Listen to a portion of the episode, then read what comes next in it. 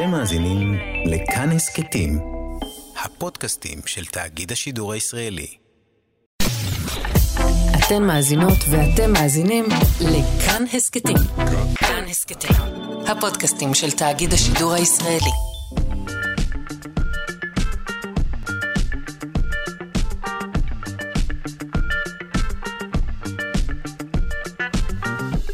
שלושה שיודעים.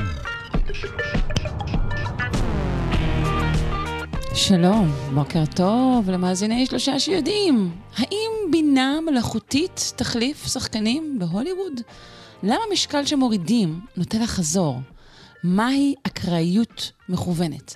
על שאלות אלו ואחרות נענה בשעה זו שערכה אלכס לויקר, שהפיקו עמרי קפלן ואניה קלזון, וגם טל ניסן. על הביצוע הטכני דימה קרנצוב, אני שרון קנטור. בואו נתחיל.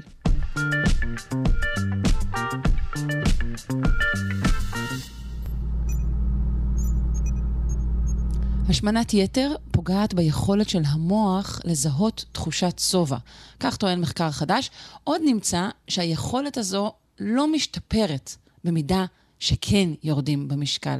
ייתכן שזו אחת הסיבות לכך שאנשים מעלים את משקלם חזרה אחרי ירידה. נפנה לדוקטור מעיין ברנע זוהר, היא ביוכימאית עם מכון דוידסון לחינוך מדעי וחברת עמותת מדעת. בוקר טוב. בוקר אור. אה, קודם כל, אני רוצה בוקר להבין... בוקר אור, את שמעת אותי? כן, כן. כן? מצוין. כן, כן, סליחה. מהי תח- מהי תחושת שובע, ואיך ואיפה המוח מרגיש אותה? או, זו שאלה. מהי תחושת שובע? תחושת שובע זה המצב שבו אחרי שאנחנו אוכלים, אנחנו הרי אוכלים דרך הפה, האוכל מגיע למערכת העיכול, והמוח שלנו נמצא אמנם באזור הראש, אבל הוא לא זה שרואה את האוכל. מי שרואה את האוכל זה מערכת העיכול שלנו. אז מערכת העיכול שלנו, יש לה מגוון רחב של דרכים לאותת למוח שלנו שיש אוכל בתוך הגוף. זה יכול להיות או באמצעות המערכת, מערכת העצבים, למשל יש לנו מתיחה של הקיבה כשהיא מתמלאת, אנחנו ממלאים, אנחנו מכירים את התחושה הזאת המאוד בסיסית של מלאות כשיש אוכל בקיבה, והמתיחה הזאת מפעילה איזשהו איתות עצבי, יש עצב מאוד מאוד גדול שנקרא עצב הווגוס שיורד מהמוח לכל אורך מערכת העיכול והוא שולח אותות אל המוח. והמערכת גם שולחת כל מיני הורמונים שיודעים לאותת למוח בכל מיני דרכים, לומר לו, אנחנו עכשיו אכלנו, יש לנו אוכל ואנחנו שבעים. במוח יש אזור בהיפותלמוס שיודע, היפותלמוס זה אזור אה, קטן בתוך המוח שנמצא ממש מאחורי העיניים שלנו. אה, יש שם אזורים שיודעים לתרגם את הדבר הזה ולומר, אוקיי, עכשיו אנחנו שבעים, זה אומר שאנחנו לא נרצה לאכול. אנחנו מלאים, לגוף יש את מה שהוא צריך, ועכשיו אנחנו יכולים להתפנות ולא לחשוב על אוכל, אלא לחשוב על הדברים האחרים שאנחנו צריכים לעשות. ואני מניחה שכולנו יודעים מה זה רעב, ואת המצב הזה שעברו כמה שעות מאז שאכלנו, ולא משנה מה אנחנו עושים וכמה הוא חשוב, המוח שלנו מתחיל לנדוד לארוחת הצהריים, או לחטיף הבא שאני ארצה לאכול. השאלה היא האם, אמרנו תחושת שובע, זה משנה אם אכלתי דברים שהם מזינים ומכניסים לגופי כל מיני אה, דברים שהם אה, טובים יותר, או שאכלתי ג'אנק, הדבר הזה משנה לגבי תחושת השובע שלי? אה, תחושת השובע שלך מושפעת בעיקר ממה שכולל קלוריות. זאת אומרת, אם אנחנו שותים מים, אוקיי? מים, הדבר, הדבר הבסיסי ביותר, ה, אה, אין, אין בהם קלוריות, אין בהם ערך תזונתיים למעט המים כשלעצמם.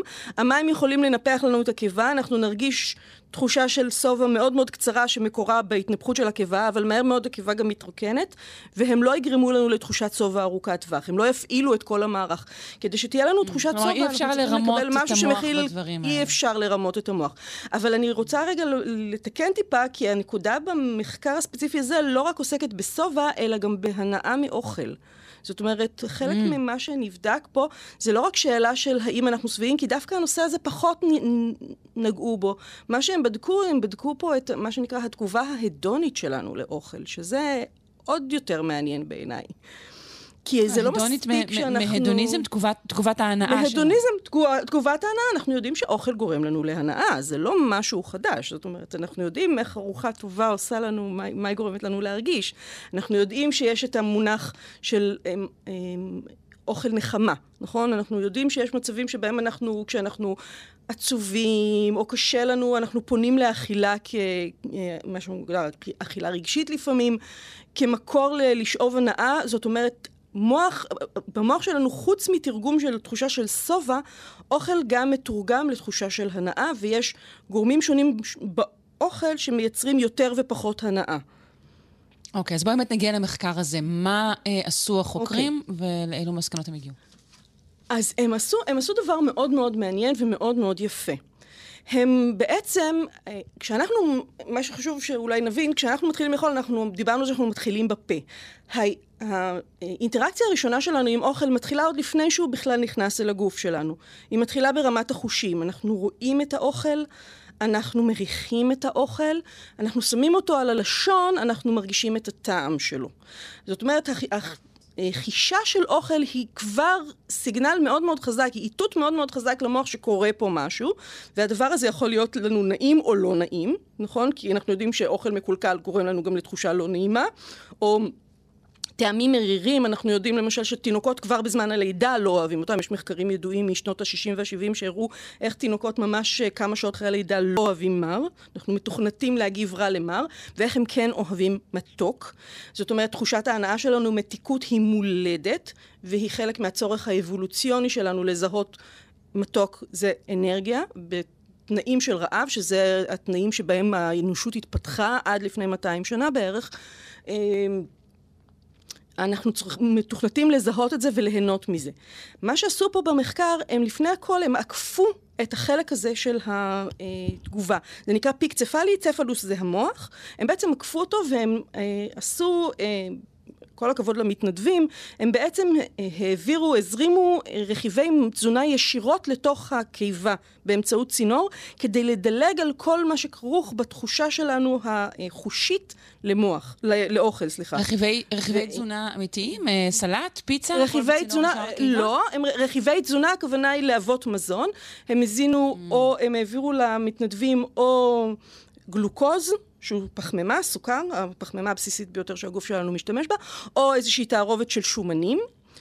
זאת אומרת, הם לקחו, נתנו אה, כמות שהיא שווה מבחינת הקלוריות של, אה, נותנת לגוף אה, 500 קלוריות של או פחמימה או שומן, ובעצם mm-hmm. ברגע שהם עקפו את החלק הראשון, כי החלק הראשון הזה הוא מאוד מאוד חזק מול המוח, הם בעצם עברו באמת לבדוק ולנטר את מה שכרוך ב, כמו שהגדרת ממש בהתחלה, את תחושת השובע. כי דילגנו בעצם על כן. חלק שהוא חלק מאוד מרכזי בתחושת ההנאה שלנו.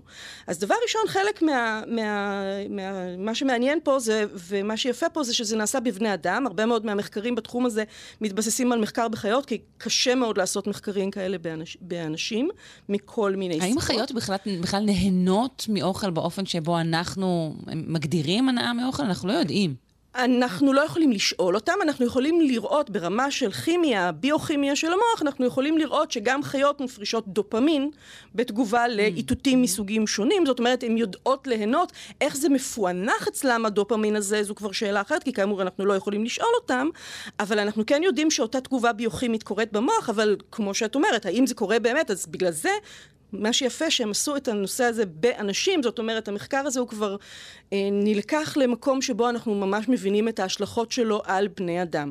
אז הם עקפו את ה...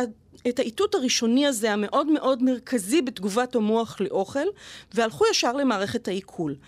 והם לקחו שתי קבוצות של אנשים. בהתחלה הם ישבו אנשים שהם רזים, זאת אומרת עם אה, מדד מסת משקל גוף תקין, BMI, של מתחת ל-25, mm-hmm. לעומת אנשים שסובלים מהשמנה, BMI מעל ל-30, ועשו עליהם את הבדיקה הזאת, והם הלכו ובדקו בעצם איך הגוף שלהם מגיב, והם מה שיפה פה זה שהם באמת ראו לא רק את התגובה הביוכימית המיידית של מערכת העיכול, ולא רק את תגובת השובע במוח, אלא גם את התגובה של ההנאה. ההידלקות של אה, מרכזי ההנאה, הם עשו את זה באמצעות אה, MRI תפקודי. הם ראו שבאמת באנשים רזים, כשאנחנו אוכלים מעבר לשאלת של, והם בדקו גם איתותים של שובע, זאת אומרת הם ראו אה, שינויים קצת ברמות של הורמונים שקשורים באיתות של שובע, עלייה בהורמוני שובע, ירידה בהורמון רעב, אז הם וידאו שבאמת המערכת שלהם עובדת ברמה של מערכת העיכול, ואז כשהם הלכו אל המוח, הם רואים שבאנשים רזים, מעבר לתחושת השובע, יש גם הפעלה של מערכת אה, אה, הנאה.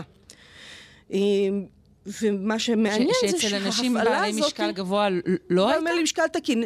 ואצל אנשים בעלי משקל גבוה היא הייתה פחותה. עכשיו, מה זה אומר שההנאה הזאת היא פחותה? זה אומר שכדי להשיג את אותה הנאה, אנחנו צריכים לצרוך יותר. אם אנחנו מחפשים לה, להרגיש הנאה, אנחנו צריכים לצרוך יותר. זה גורם לנו לרצות יותר. זה, זה לא, זה אגב, זו לא מסקנה ישירה שהייתי מסיקה מכך, זה שאם נכון. יכניסו עוד מזון, אז תגיע תחושת ההנאה. ממש ממש לא. נכון, נכון. זו לא המש... ממש לא המסקנה הראשונית, אבל זה אחד מהמנגנונים שאנחנו רואים. הרי אחת מהשאלות שקור... שיש לנו זה למה אנחנו צורכים יותר מזון, ולמה אנחנו מתקשים לשמור על המשקל נמוך לאורך זמן. אז כשאנחנו רואים, א', פגיעה ב... גם באיתות השובע, אבל גם באיתות של ההנאה, אוקיי? אגב, דופמין הוא בפירוש לא רק אה, הנאה, הוא בפירוש גם חלק מסיגנל השובע. אה, זה גם כרוך, ב- ב- אוקיי. הוא מווסת, הוא בעצם איזשהו מבקר כללי. אז לא מערכת זה גם נפרדת, מבקר כן, את אני השובע, זה לא מערכת נפרדת, זה שתי מערכות, הכל כרוך בהכל, זה חלק מהחלקים הקשים. אנחנו מנסים לפרק את המערכות שלנו ולהפוך אותן ליותר אה, אה, ליניאריות, אבל צריך לזכור שהמערכות האלה, המערכות האלה מאוד מאוד מורכבות ורבודות, במיוחד במוח. אז אנחנו רואים שבעצם באנשים שמנים יש לנו גם פחות שובע, גם פחות הנאה, זאת אומרת, כדי להשיג תחושה של הנאה אנחנו צריכים לצרוך יותר.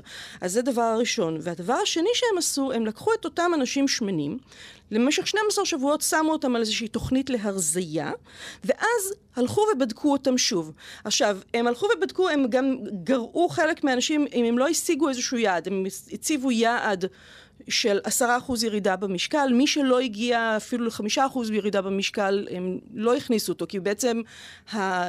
אם המטרה שלנו היא לבדוק איך הרזייה משפיעה ובן אדם לא הצליח לרזות, אז אין טעם להמשיך ולבדוק אותו, כי אנחנו יודעים שאנחנו כן. לא הצלחנו להשיג את השינוי, ומה שהם ראו שאחרי 12 שבועות של תזונה, דיאט... דיאטה, עם השגה של עשרה אחוז ירידה במשקל, שברמה קלינית היא נחשבת לירידה משמעותית, אם מסתכלים קצת לתוך הנתונים בתוך המאמר, רואים שזה אנשים שבתחילת המחקר שקלו סדר גודל של 100 קילוגרם, ירדו בערך עשרה קילו, זה, זה ירידה משמעותית שרואים אותה על אנשים כן, כבר, היא נכון, זה לא אנשים שהפכו פתאום להיות רזים, אבל הם בפירוש ירדו ביחס לא, לעצמם. אבל... כל הכבוד להם. כל הכבוד להם, ב-12 שבועות. כן. העבירו אותם את אותה בדיקה, 12 שבועות זה, זה אפילו יחסית ירידה מהירה. זאת אומרת, בהגדרות של מה שאנחנו מחפשים היום ירידה, ב, לירידה באנשים, אנחנו מחפשים, מדברים על בערך חצי קילו בשבוע, זה יוצא בערך שני קילו ל- ל- לחודש. זאת אומרת, אנחנו בשלושה חודשים מצפים לראות שישה, שמונה קילוגרם ירידה, אבל העוד שני קילו האלה יכולים להיות גם כל מיני דברים אחרים, אבל לא ניכנס לזה. אבל מה שכן מעניין, הם ראו שלא היה שיקום של התגובה במוח אצלם. זאת אומרת, הם, היה הטבה בכל המדדים המטאבוליים שלהם. למשל, השמנה קשורה לתנגודת לאינסולין. אינסולין הוא אחד מהורמוני השובע. אם יש לנו תנגודת, זאת אומרת שאנחנו גם לא מרגישים שובע באותה, באותה מידה. אז הייתה הטבה במדדים האלה ברמה של הביוכימיה של הגוף, אבל כשבדקו את המוח, עדיין הוא לא הגיב באותה צורה כמו אנשים רזים, או לפחות לא היה איזשהו שיפור. המטמון הקצת נורא של המחקר, נכון. בעצם אומר שלכן אולי קשה להוריד, אחרי שמורידים במשקל, הנטייה שלנו היא להחזיר את הקילוגרמים האלה. נכון. אז חלק ממה שמדובר פה באמת, זה, הם סוף סוף מצליחים להראות יפה בבני אדם, אנחנו יודעים שהעניין הזה של דיאטות יו-יו, הרבה מאוד אנשים לא מצליחים לשמר את הירידה במשקל. יש אנשים אגב שכן, זאת אומרת אנחנו יודעים שאחוז ניכר, אבל יש אנשים שכן מצליחים לשמר ירידה במשקל. יש פה עניין שאנחנו רואים שמי שסבל מהשמנה, הירידה במשקל לא שינתה את התגובה שלו במוח. צריך לשים לב שהמתאם הזה הוא מתאם זה מתאם, זו קרילציה. זאת אומרת, אנחנו לא יודעים, כן. אולי מלכתחילה, בדקנו אותם כשהם שמנים, אולי מלכתחילה התגובה שלהם הייתה ירודה. נכון, וגם השאלה אם בדקו את זה גם אחרי, נגיד, שנה שמישהו נשאר במשקל נמוך זהו. יותר. כלומר, אם הדבר עכשיו, הזה וזה... הוא, הוא משתפר. אז יש פה כמה מגבלות על המחקר הזה, ואחד הדברים היפים במחקר אה, זה שהם באמת מתארים מאוד מאוד יפה את המגבלות שלו. אה, אז באמת הדבר הראשון זה שזה נעשה, זו דיאטה של 12 שבועות בלבד, ומיד אחריה בדקו, אנחנו לא יודעים מה קורה לאורך זמן. לא נעשה מעקב, כי מגבלות המחקר הם כאלה שבנקודה הזאת לפחות הצליחו להראות, לפעמים אנחנו רוצים לראות קודם את הפואנטה לפני שאנחנו בודקים באמת לאורך זמן מה קורה, אז לפחות הם הצליחו להראות יפה את, את השינוי הזה במוח בבני אדם, מה שלא ראינו עד עכשיו, שזה חידוש משמעותי, וזה גם מאוד חשוב אם אנחנו רוצים להיות מסוגלים לפתח טיפולים שיעזרו לאנשים, וזו המטרה שלנו. זאת אומרת, עצם זה שזיהינו שיש פה בעיה שצריך לטפל בה, זה נקודה נהדרת, גם אם זה נראה לנו נורא עצוב ונורא מצער ואומר וואלה באסה, אז לא, אל תתייאשו, אל תפסיקו לנסות uh, לשנות את, ה, uh, את המצב, כי, כי זה לא אומר שפה נגמר הסיפור. אז דבר ראשון, באמת המגבלה היא שזה נעשה uh, בדיאטה מאוד ספציפית, ל-12 שבועות בלבד, אנחנו לא יודעים לאורך זמן. יש מגבלה נוספת, אוכלוסיית המחקר פה היא אוכלוסייה מבוגרת יחסית. אנשים בסדר גודל של גיל 60, אצל נשים זה ממש משמעותי, כי נשים בגיל הזה הן כבר אחרי גיל המעבר, זאת אומרת כל המערך ההורמונלי שלהן הוא מאוד מאוד אחר בשלב הזה. הם, יש פה מגבלה אתית, בגלל שיש פה במחקר הזה גם שימוש בטרייסרים רדיואקטיביים, הם לא עושים אותם בגילאי הפוריות, כדי לא לסכן, אה, אה, לקחת סיכונים מיותרים. זאת אומרת, קשה לנו מאוד לעשות אה, הרחבה של תוצאות המחקר מאוכלוסייה של אנשים בוגרים, מבוגרים, לאנשים אולי יותר צעירים שאולי שם כן יש שיקום. זאת אומרת, אם כן. אתם אנשים צעירים, אז יכול להיות שאצלכם כן אפשר לשקם את המערכת הזו. הם עוד דבר שהם עשו, אנחנו גם לא יודעים, ייתכן שהיא משתקמת אחרי נכון. איזשהו זמן, אנחנו לא יודעים מה מערך זה. אנחנו לא יודעים מה קורה. אז שורה אחרונה. כן.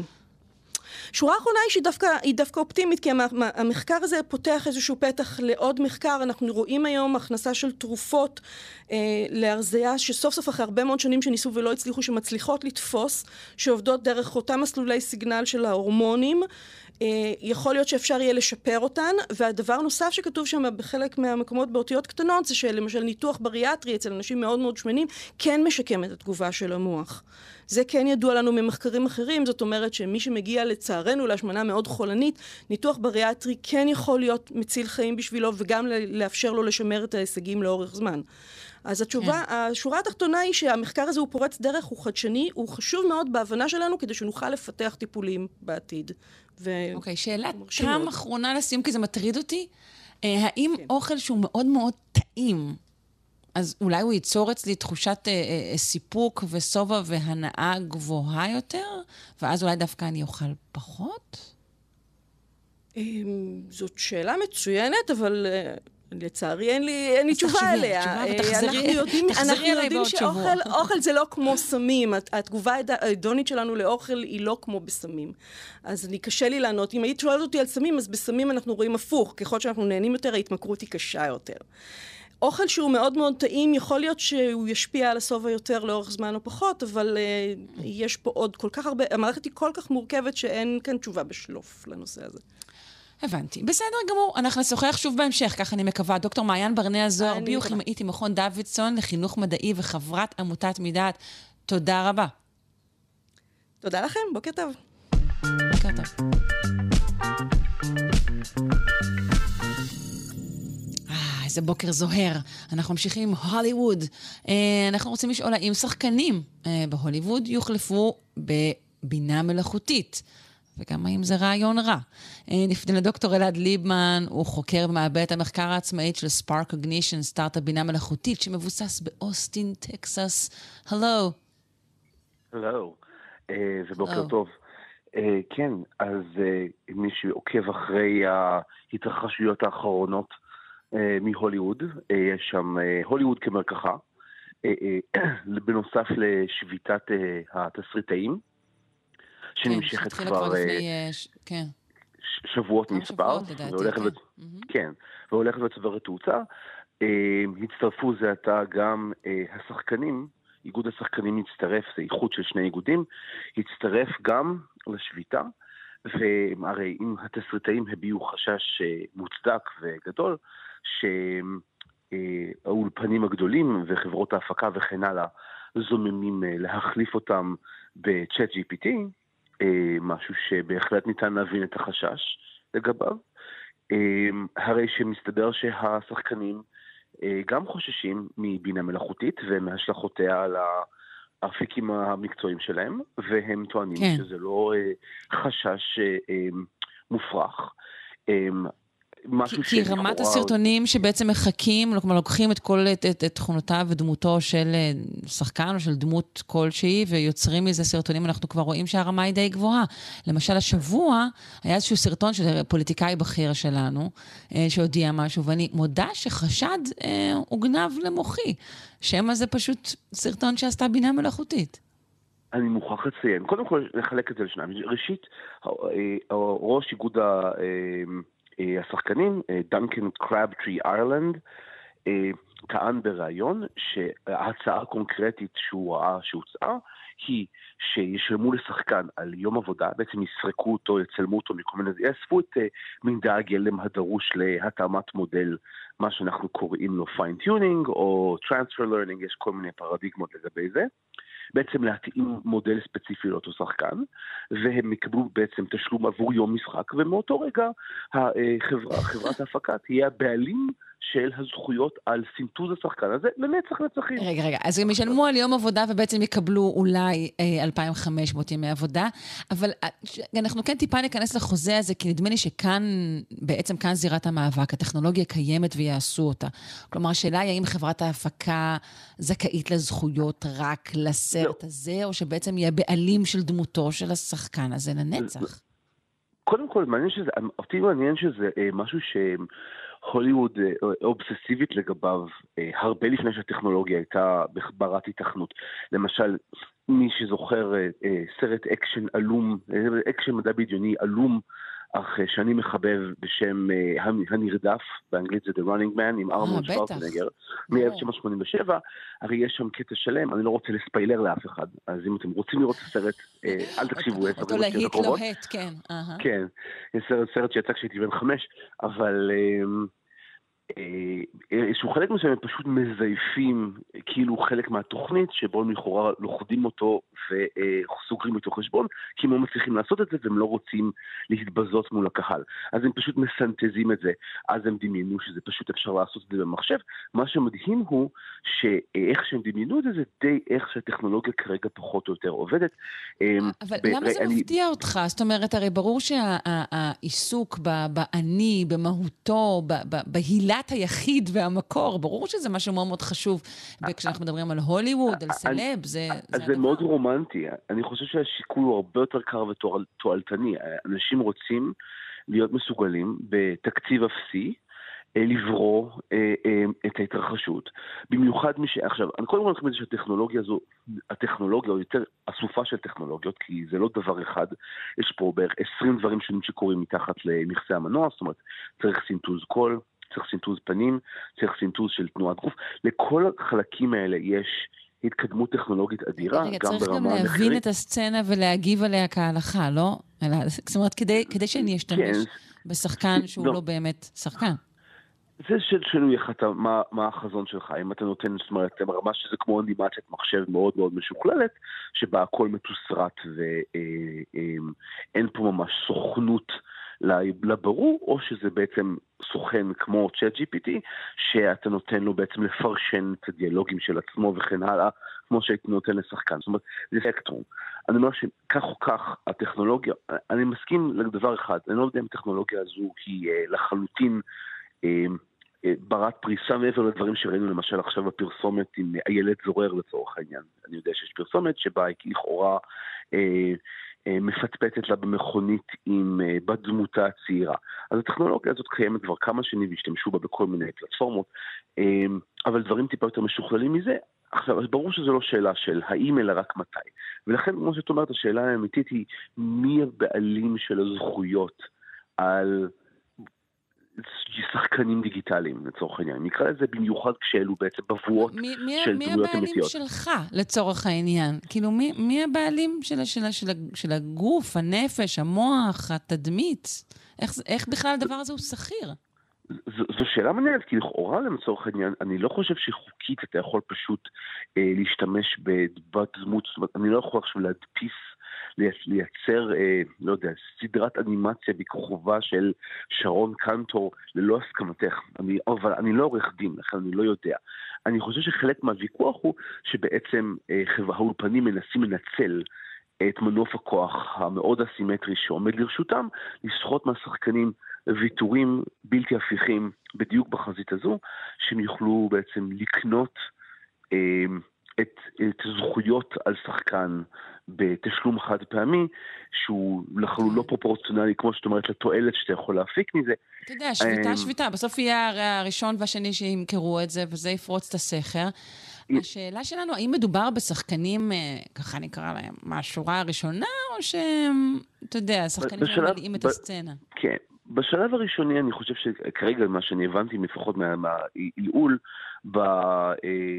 בתוכן הכתוב, מדובר יותר בביט אקטרס, שחקני פרסומות, ניצבים וכן הלאה, עדיין אין עוד במיוחד, שחקנים שגם גם ככה מה שנדרש מהם הוא שורה פה, שורה שם, זה דברים שקל מאוד לסנטז בטכנולוגיה שעומדת לרשותנו כיום.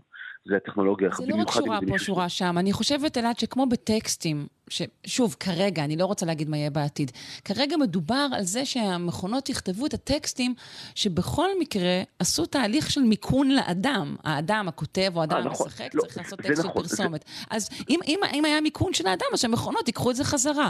אף אחד לא מדבר כרגע, אתה יודע, לא על שייקספיר הכתוב ולא על שייקספיר המשוחק, לצורך העניין. אז, אז, אז אני חושב שזה שני, שני דברים אה, שונים. זאת אומרת, יש פה ניקון של היצירה והמבע והסוכנות, גם ברמת השחקן, ויש פה מיקון של הוויזואליה. המדוברת. והם בעצם רוצים את הזכויות להכל. עכשיו, אני אומר שכרגע, למשל, אה, אני ראיתי, שוב, צלעלתי בחומרים לקראת השיחה הזו, למשל היה אה, אה, ראיון מדומיין, ב-2005 MSNBC פרסמו ראיון מדומיין עם ג'וליה רוברטס, שהיא לכאורה משחקת עם גרסתה הצעירה, שהיא מונפשת AI, והיא מדברת על זה. ויש כמובן את סרט, הסרט כנס העתידנים של ארי פולמן, שעוסק פחות או יותר בדיוק בשאלה הזאת של שחקנית מפורסמת אך דועכת, שמשדלים אותה למכור את uh, הזכויות על בבואתה הדיגיטלית, לסרוק אותה, כדי שהיא תישאר למעשה צעירה לנצח. יש פה גם את העניין הזה. שחקנים מזדקנים, שחקנים מתעייפים, עוברים, זאת אומרת, תחשבי על דמויות לצורך העניין שאמורות להישאר צעירות לנצח, לצורך העניין, ערפדים כן, טלוויזיוניים למיניהם. זה יהיה באינטרס של חלקם, זה מה שאני אומרת, הם ירצו לשמר את המותג. כרגע הם שובתים, וייתכן מאוד שאנשים יגידו, נכון. כן, אני רוצה להישאר צעיר לנצח ולהמשיך למכור את הזכויות. אני, דווקא כדאי. אני לא, חושב שה, אני לא חושב שהוויכוח הוא על האם זה אתי או לא למכור את הזכויות על הבבואה הדיגיטלית שלי. אני חושב שהוויכוח הוא על האם ראוי לקבל אה, פיצוי הולם על כך, והוויכוח הוא על גודל הפיצוי בין היתר. התסריטאים לא מפחדים, ש... הם מפחדים שיחליפו אותם בצ'אט GPT, הם לא מפחדים שיכריחו אותם להשתמש בצ'אט GPT כדי לכתוב תסריטים מהר יותר, לצורך העניין. או, או, או מה יקרה בכלל, הדעת האנושית כתוצאה, הבנתי, אוקיי, זו שאלה של כן, כסף. כן, אני, מוכן, אני, אני, אני חושב שבגדול, אני, אני מוכרח להודות שאתה מעט, זאת אומרת, יש הרבה שיח אה, מעמדי, מסביב לדבר הזה שאני כן מבין אותו בתוך הפריזמה, זאת אומרת, זה מביט מהצד, אתה רואה בסך הכל חבורה של אנשים עשירים, שמאוד כועסים על חבורה מצומצמת יותר של אנשים מאוד מאוד עשירים, וקשה לפתח אמפתיה. כשמסתכלים על זה בפרספקטיבה הזו, אבל כשאתה מסתכל בתוך יחסי הכוחות הנצלניים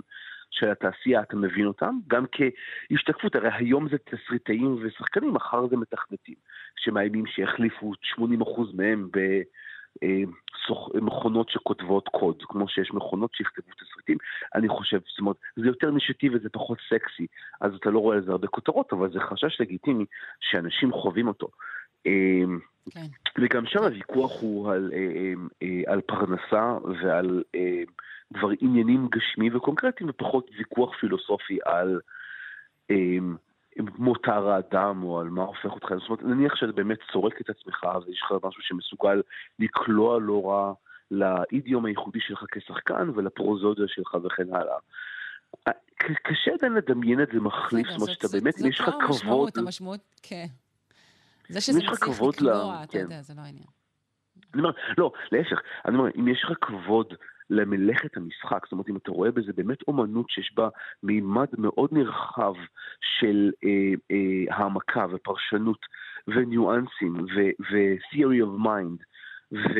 אה, זאת אומרת, עומק של הבנה של טקסט ושל נפש האדם וכן הלאה, המחשבה שאפשר פשוט למכן את זה דרך אמצעים סטטיסטיים היא על פניו כמעט מעליבה, לפחות עבורי בתור מישהו שמתעניין כן, מאוד באומנות, נכון, הוא גם חוקר בינה אוקיי. מלאכותית. אז שורה אחרונה שלך.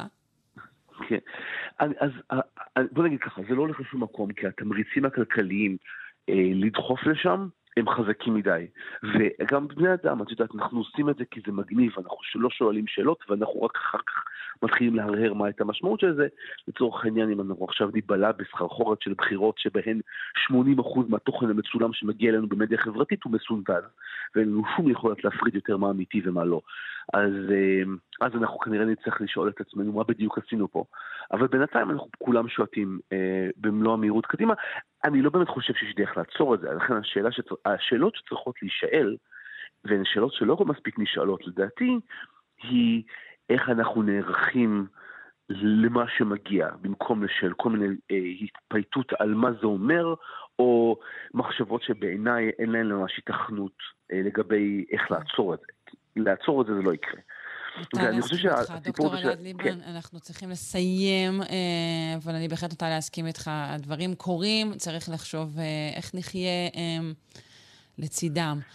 לצד הבינה המלאכותית בדיוק. כן, כן. מה, מה ומי נהיה. תודה רבה לך על השיחה, דוקטור אלעד ליבמן, להתראות, יום טוב. בבקשה, תענוג, כל טוב, להתראות.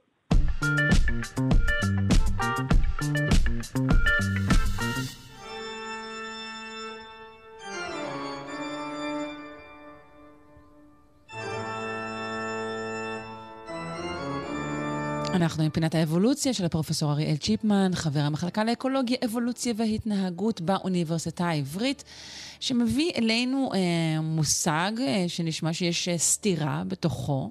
המושג הזה הוא אקראיות מכוונת. למה הכוונה, פרופסור צ'יפמן? בוקר טוב. אה, הכוונה לסתירה לכאורה אה, שיש במנגנון שבו האבולוציה עובדת. כולנו יודעים, או כולנו שמענו, שהאבולוציה היא תהליך אקראי.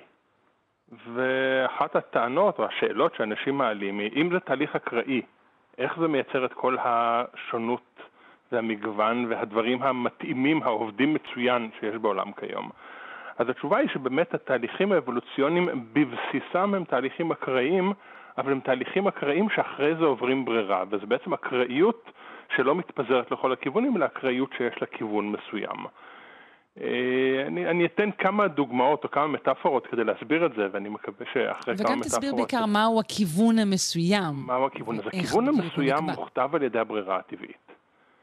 כלומר, אם אנחנו יודעים שבעלי חיים או אורגניזמים בכלל מתאימים לסביבתם, במהלך האבולוציה הם עוברים התאמה טובה יותר ויותר לסביבתם.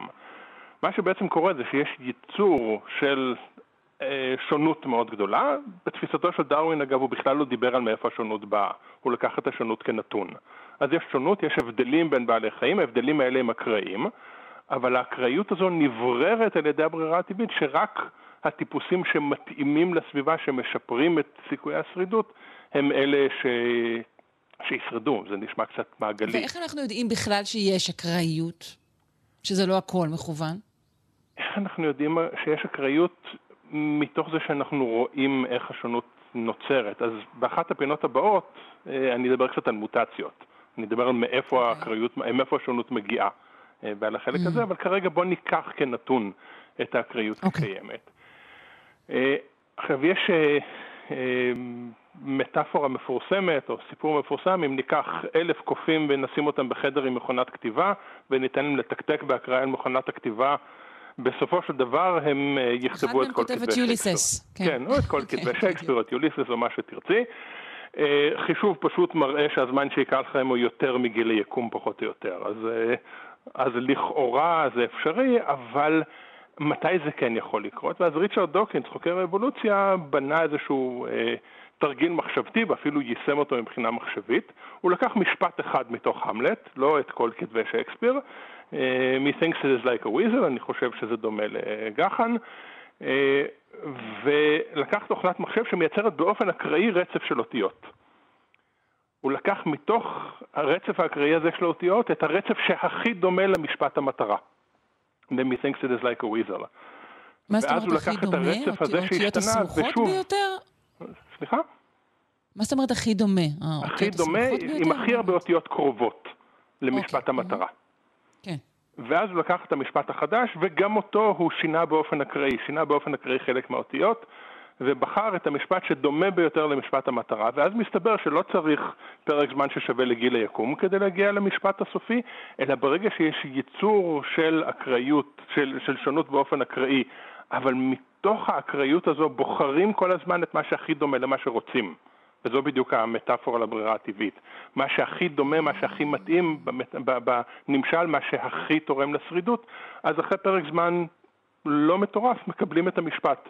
ואפשר לעשות סימולציה, אני בטוח אפשר למצוא באינטרנט אה, אתרים שעושים את הסימולציה הזו, זה לוקח כמה שניות בהרצה במחשב. ממשפט אקראי להגיע למשפט שאליו אנחנו מכוונים. אז השונות, השינויים הם אקראיים, אבל מתוך האקראיות הזו יש בחירה, יש כוונה. עוד, אה, עוד מטאפורה שדווקא מתנגדי האבולוציה משתמשים בה די הרבה, הם אומרים שהסיכוי להופעת חיים תבוניים על פני כדור הארץ שווה לסיכוי שטורנדו יעבור דרך מגרש גרוטאות ובאופן אקראי ייצר מטוס בואינג. אה, לכאורה זה נכון, אבל זה לא הדימוי הנכון. אם ניקח אלף מגרשי גרוטאות ונעביר דרך כל אחד מהם טורנדו, ומתוך כל מגרש נבחר את זה שהבלגן אה, שם הכי דומה למטוס, ונעשה אלף עותקים שלו, ואז שוב בכל אחד מאלף העותקים האלה נעביר טורנדו, ונבחר את האחד שהכי דומה למטוס. סביר להניח שלא נגיע אף פעם למטוס, אבל זו מטאפורה יותר נכון, נכונה אבל, לאיך שהאבולוציה עובדת. בכל הדוגמאות שלך, אתה מדבר על, ה, על הישות אה, הבוחרת, שהיא בעצם האבולוציה. נכון? הישות הבוחרת כן, כן. היא מנגנון הברירה הטבעית, אז האבולוציה זה השילוב אוקיי. של האקראיות זה השילוב של שניהם, אבל יש מנגנון כזה שהוא כל פעם, אתה אומר, הוא, הוא, הוא בוחר את, ה, את הדבר הרצוי ביותר. נכון, עכשיו, מה זה המנגנון שבוחר את הרצוי ביותר? זה בעצם התופעה שמי ש... יש לו את התכונות שמגדילות בצורה הגבוהה ביותר את הסיכויים שלו להעמיד צאצאים, הוא זה שיעמיד הכי הרבה צאצאים. זה המעגליות לכאורה של הברירה הטבעית, אבל בעצם זה העניין. אם יש משהו שמאפשר לאורגניזם להתרבות יותר, אז הוא יתרבה יותר. ומכיוון שהתכונות האלה הן תורשתיות, אז עם הזמן התכונות האלה תהיינה נפוצות יותר. אז זו, זה הכיווניות. אני מבינה. בסדר, האם ת, תספק לי אז באמת בשבועות הקרובים דוגמאות לאקראיות מוחלטת כמעט? אז בשבועות הקרובים נדבר על מאיפה האקראיות הזו מגיעה. עכשיו שוב, דרווין דרווין לא ידע גנטיקה, הגנטיקה לא התגלתה, הוא לא ידע מה זו מוטציה, כן. הוא לא ידע מה זה גנים. כיום אנחנו מבינים בצורה הרבה יותר טובה מה המשמעות בכלל של מוטציה, משהו שהיה רעיון די uh, ארטילאי לפני 60-70 שנה. היום אנחנו יכולים לשים את האצבע על מוטציות ולקשר בין מוטציות לשינויים וליצירת מגוון, ומתוך זה להבין איך הכיווניות משפיעה על אותם תהליכים אקראיים כדי לייצר אה, את המגוון ואת ההתאמה של אורגניזם שאנחנו רואים בעולם. יפה, תודה רבה לך, פרופ' אריאל צ'יפמן, חבר המחלקה לאקולוגיה, אבולוציה והתנהגות באוניברסיטה העברית. בוקר להתראות. טוב.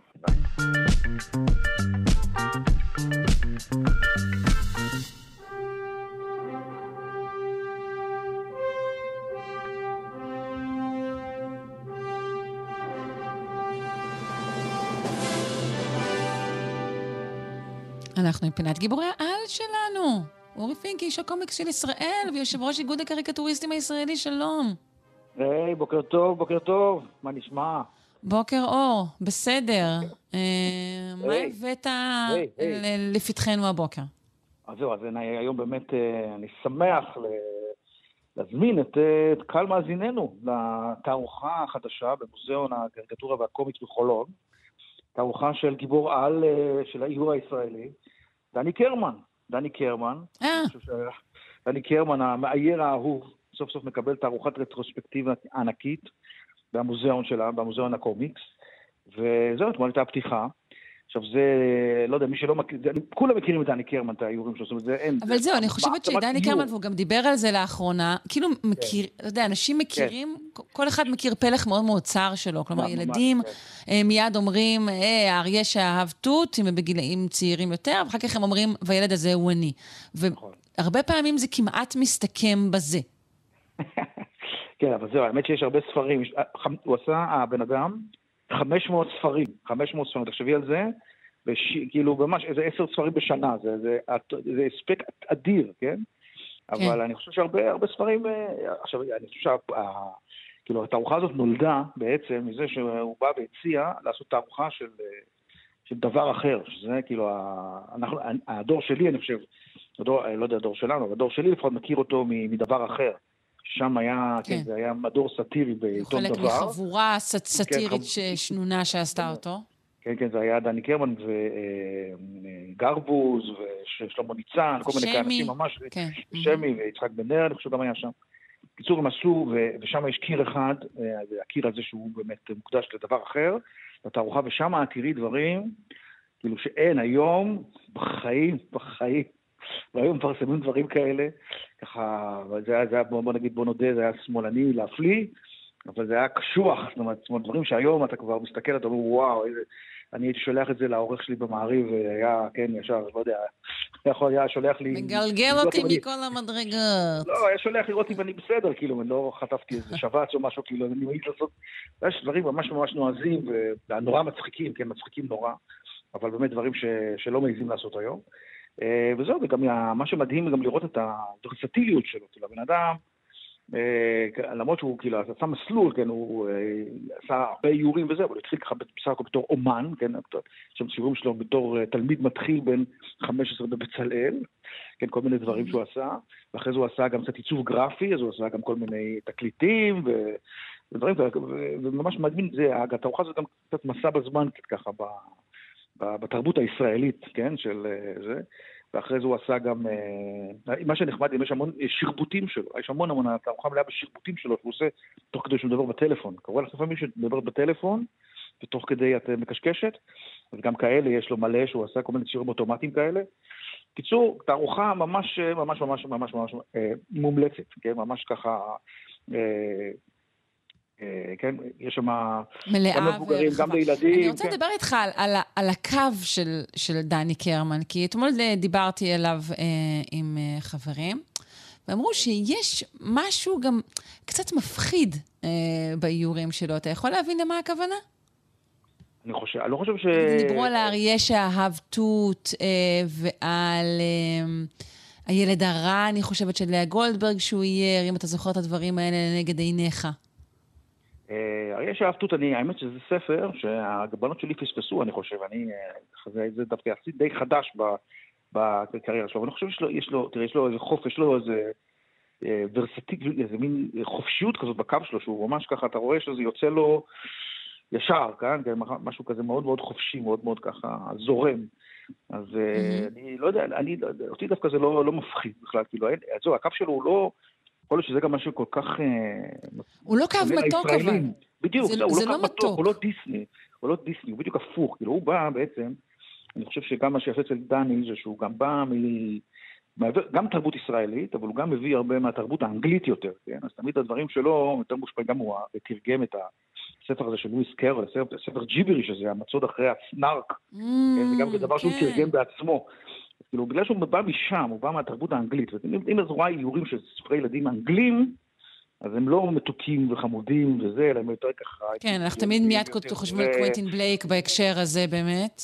כן, אז, אז בגלל זה אני חושב שאולי משם זה נראה פחות מתוק וקוקי ופוקי, מה שאנחנו רגילים, כן, שאנחנו רגילים מההשפעות האמריקאיות יותר. אני חושב שבגלל זה לא היה חברים שאנחנו רואים שזה מפחיד, כי זה עומד במדף ליד כל מיני מהירים אחרים שהם פחות נוטים לדבר הזה. אני חושב שיש משהו, משהו באמת כן. יותר אה, מחוספס בקו שלו. כן, מפחיד בעיניי זה טוב, אני רק מציינת שזה אה. מין דבר שאומרים עליו. זה כן, ממש בסדר. כן, אבל יש תרבות... ומה אתה אומר לגבי הבחירה שלו לעשות, אה, באמת, להתנסות בכל כך הרבה סגנונות? זה משהו שהוא לא שגרתי. אני לא חושב, אני, תראי, לא יודע, אני חושב שזה דבר מאוד בריא למאייר, מדי פעם ככה לצאת מאזור הנוחות. זאת אומרת, אין לו אזור נוחות לדני קרמן. אני חושב שהוא מרגיש נוח בכל, בכל סוג של, של איור, אם זה איור לילדים, אם זה איור לזה, ותמיד זה, גם נשאר דני קרמן, זאת אומרת, זה, זה, זה העניין שלו. כאילו, הוא אף פעם לא... אה, ככה אתה מסתכל ואתה אומר, וואלה, הוא פה מנסה להיות משהו שהוא לא.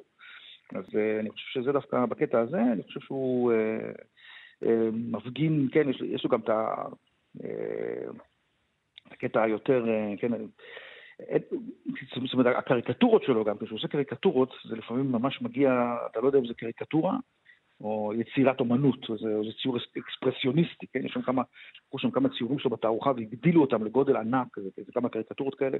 אתה מסתכל על זה וואי, זה ממש... זה קריקטורות ממש שפורסמו במקור אולי בעיתון והוגדלו לגודל כן, גדול? בדיוק, זה מעניין. בדיוק, כן, כן, יש שם דברים מאוד... מי שם עיצב את התערוכה עשה באמת עבודה, באמת לקח את ה... כי האמת שזה נורא קשה, זאת אומרת, לקחת את ה...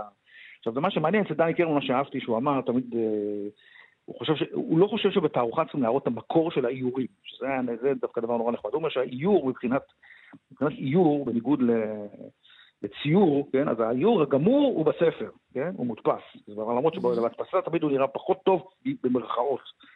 אבל דני mm. ממש ככה, מאוד uh, חשוב לו העניין של המעמד של האיור, כן, דווקא בתור, חד, דווקא בתור דבר כזה שעומד ליד טקסט, כן, שהוא משלים במידה מסוימת את הטקסט. כן, והוא לא מעריץ בכך את המקור, זה, זה מלווה כן, משהו. כן, אוקיי. בגלל, בגלל זה גם באיורים שלו, האיורים שלו בתערוכה, יש, בתערוכה יש מדף, מדפים של ספרים. כן. אוקיי, אורי, אנחנו חייבים לסיים, מסתבר שהם אוקיי. יושבים פה בעורפנו. אז אה, נזכיר שוב רטרוספקטיבה לדני קרמן. מוזיאון הקומיקס, רחוב ויצמן 61, חולון. מוזיאון הקומיקס, קומיקס. יאללה, ביי ביי. אורי פינק, איש הקומיקס של ישראל, ביי ביי, להתראות, תודה. ביי ביי.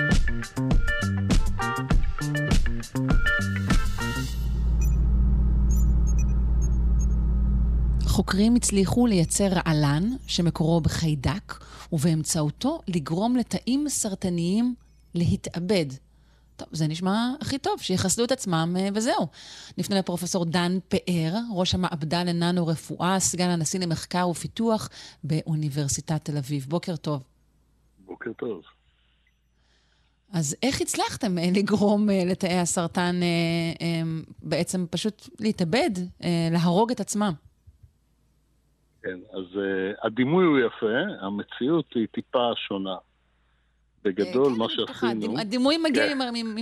מהיחצנים שלכם, תשמע, אנחנו פה רק אה, קופים.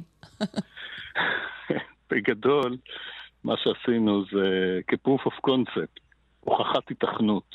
רצינו לראות אם אנחנו יכולים להשתמש בטכנולוגיות של מסנג'ר RNA, שהיום כולם כבר יודעים מה זה, כן. כדי לקודד לרעלן שנמצא בחיידקים.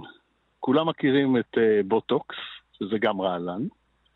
Mm-hmm. בחרנו רעלן אחר, אה, של חיידקים אחרים, שמפרישים אותו מסיבות אחרות דרך אגב, והראינו שאפשר אה, לכלוא את אותו מסנג'ר RNA בחלקיקי שומן, שזה אותם חלקיקים, בדיוק אותו רעיון של חיסוני הקורונה, והזרקנו את זה לחיות מודל שיש להם מלנומה, סרטן עור, לתוך מיטת הגידול, וכשהחלקיקים נכנסו לתוך התא הסרטני, בעצם אה, נוצר ביטוי של אותו רעלן, והרעלן הזה הורג את התא מבפנים. אם תרצי, זה סוג של סוס טרויאני. כן. בוא תסביר את ההבדל בין זה לבין, נגיד, טיפול אה, כימותרפי. אז בטיפול כימותרפי אתה נותן משהו שהוא סיסטמי, הוא מערכתי. הרבה תאים אחרים נפגעים. פה אנחנו אמ, משתמשים בביולוגיה מלאכותית קצת, סינתטית. שהרעיון מאחורי זה זה להגיע לתאים שהם חולים. אנחנו עושים את זה כרגע גם אה, פיזית, המיקום של ההזרקה, ואנחנו מקודדים לרעלן שנמצא בחיידקים. הרעלן הזה יש לו מטרות אחרות, כמו שאמרתי, אבל אנחנו משתמשים בו להרג של תאים mm-hmm. אז זה נשמע פשוט, אבל זה תהליך של די הרבה שנים. המחקר הזה התחיל הרבה לפני חיסוני הקורונה, ונגמר לאחרונה. אה, זה לא, זה לא שכאילו אמרתם, אה, הנה ה-RNA, בואו נשתמש בזה, אתם כבר עסקתם בזה קודם. כן, כן. אנחנו הרבה הרבה שנים בתחום הזה, והיינו גם הראשונים להראות שאפשר בכלל להוביל מסנג'ר RNA בחיה. שזה היה נשמע קצת אה, מדע mm. בדיוני לפני uh, קצת יותר אוקיי. מעשר שנים. אבל היום זה, זה common practice. אז, אז ב, היינו מבדילים, נגיד, מעבר לזה שכימותרפיה באמת פוגעת גם בתאים בריאים והיא הרבה יותר רחבה. אני שואלת אם המנגנון של, נגיד, תא שמשמין את עצמו, כאן הוא שונה מאשר כן. אה, בכימו, ששם נכון, ההשמדה נכון, היא כאילו נכון. כאילו מבחוץ. נכון, ההשמדה היא מבחוץ על ידי חומר כימי שנכנס לתא, מגיע ל-DNA, עושה נזק ב-DNA, הורס אותו. פה המנגנון הוא אחר, פה מדובר במסנג'ר RNA שנכנס לתא, מתורגם לחלבון, בדיוק במנגנונים התאיים, והחלבון הזה זה חלבון רעיל, זה חלבון אה, מוות נקרא לזה, והוא הורג את התא במנגנונים קצת אחרים. אבל הרעיון בגדול הוא אה, לטרגט, שזה השלב הבא, זאת אומרת, לכל מחקר בנוי בנדבכים, אז הנדבך הבא זה לטרגט את אותם תאים ברמה המערכתית. זאת אומרת, לדאוג שאנחנו נוכל להזריק את אותם חלקיקים למחזור התא, ולהגיע לאותם תאים שהם תאים חולים, תאים סרטניים, ולהיכנס אליהם, ורק אליהם, ושם יפעל החלבון. יש לנו עוד רמה אחת של הגנה, שבעצם אנחנו יכולים לקודד את החלבונים הרעילים האלה רק בתאים הסרטניים. זאת אומרת, בתא נורמלי הוא לא יעבור תרגום. שזה כבר השלב הבא. איך עושים את זה? זהו, איך עושים את זה? של, שיטות של ביולוגיה אה, סינתטית. אז בעצם רק תאים מסוימים שהם סרטניים יכולים להפעיל איזה שהם גנים שיכולים להפעיל את התרגום של החלבון שלנו. זה עוד אה, נדבך אחד קדימה, כבר עשיתי אה, ספוילר למחקר הבא אפילו המשפט הזה היה מסובך עבורי, אוקיי, כן. כן. אז עשיתי ספוילר לעבודה הבאה שלנו, שאנחנו מקווים שתתפרסם גם בקרוב, שבהם לקחנו את זה צעד אחד קדימה ואמרנו, אוקיי, כל תא רגיל שיקודד את זה, הרי יהרוג את התא, נכון?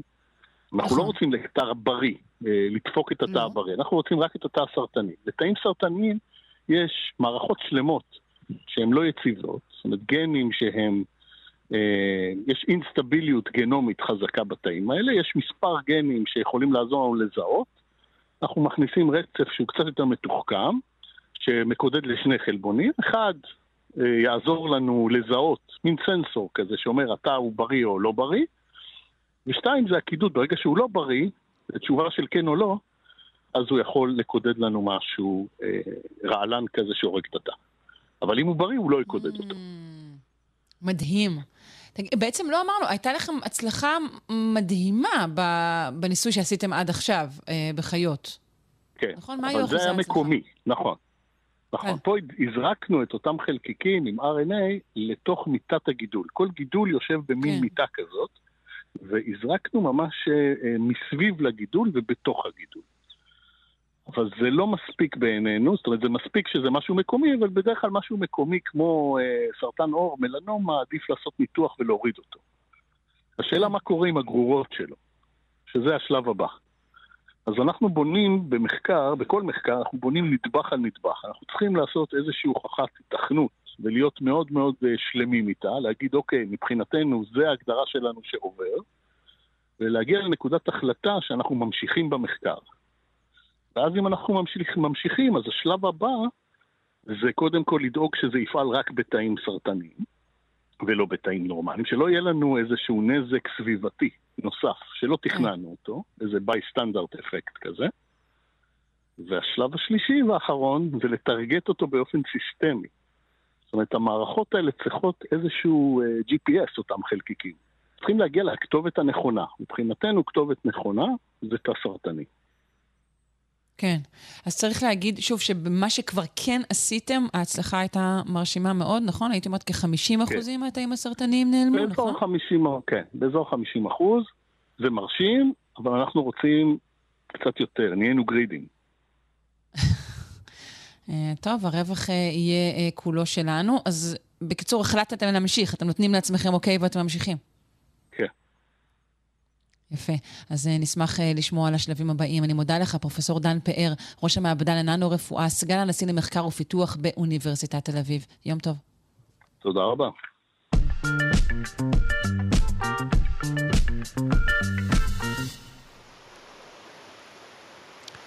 האוקיינוסים שלנו הופכים לירוקים יותר. כך מראה מחקר שבחן תמונות לוויין משני העשורים האחרונים. אנחנו רוצים uh, להבין למה זה קורה.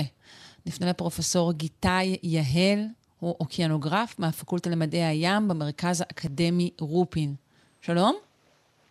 בוקר טוב. פרופסור יהל, בוקר טוב. בוקר טוב. Uh, קודם כל בואו נדבר על התצפית. Uh, במה הבחינו ואיך? טוב, האמת שזה קצת נראה מוזר אולי לדבר על אה, דברים כאלה כמו השינוי בצבע האוקיינוסים בימים כל כך סוערים אצלנו בארץ, אבל... אבל גם בימים סוערים אנחנו רוצים לטבול רגע בים ולחשוב על הנצח. כן, כן, בדיוק. יש פה שינויים שהם מאוד מאוד גדולים. שקורים ב... בעצם, אנחנו מדברים על uh, עבודה שהתפרסמה והראתה לנו דברים שלא חשבנו שנראה בטווח זמן כזה קצר, וזה, את בטח יודעת שכבר כמה עשרות שנים אנחנו, אנחנו רוצה לומר, האנושות מסתכלים על כדור הארץ מבחוץ בעזרת לוויינים, ו... האמת שאחת המהפכות הגדולות שמהפכת החלל עשתה, היא שינתה את הדרך שבה אנחנו מסתכלים על כדור הארץ, כי כשמעלים לוויין לשמיים, פתאום רואים שכל כדור הארץ בעצם אה, יחידה אחת.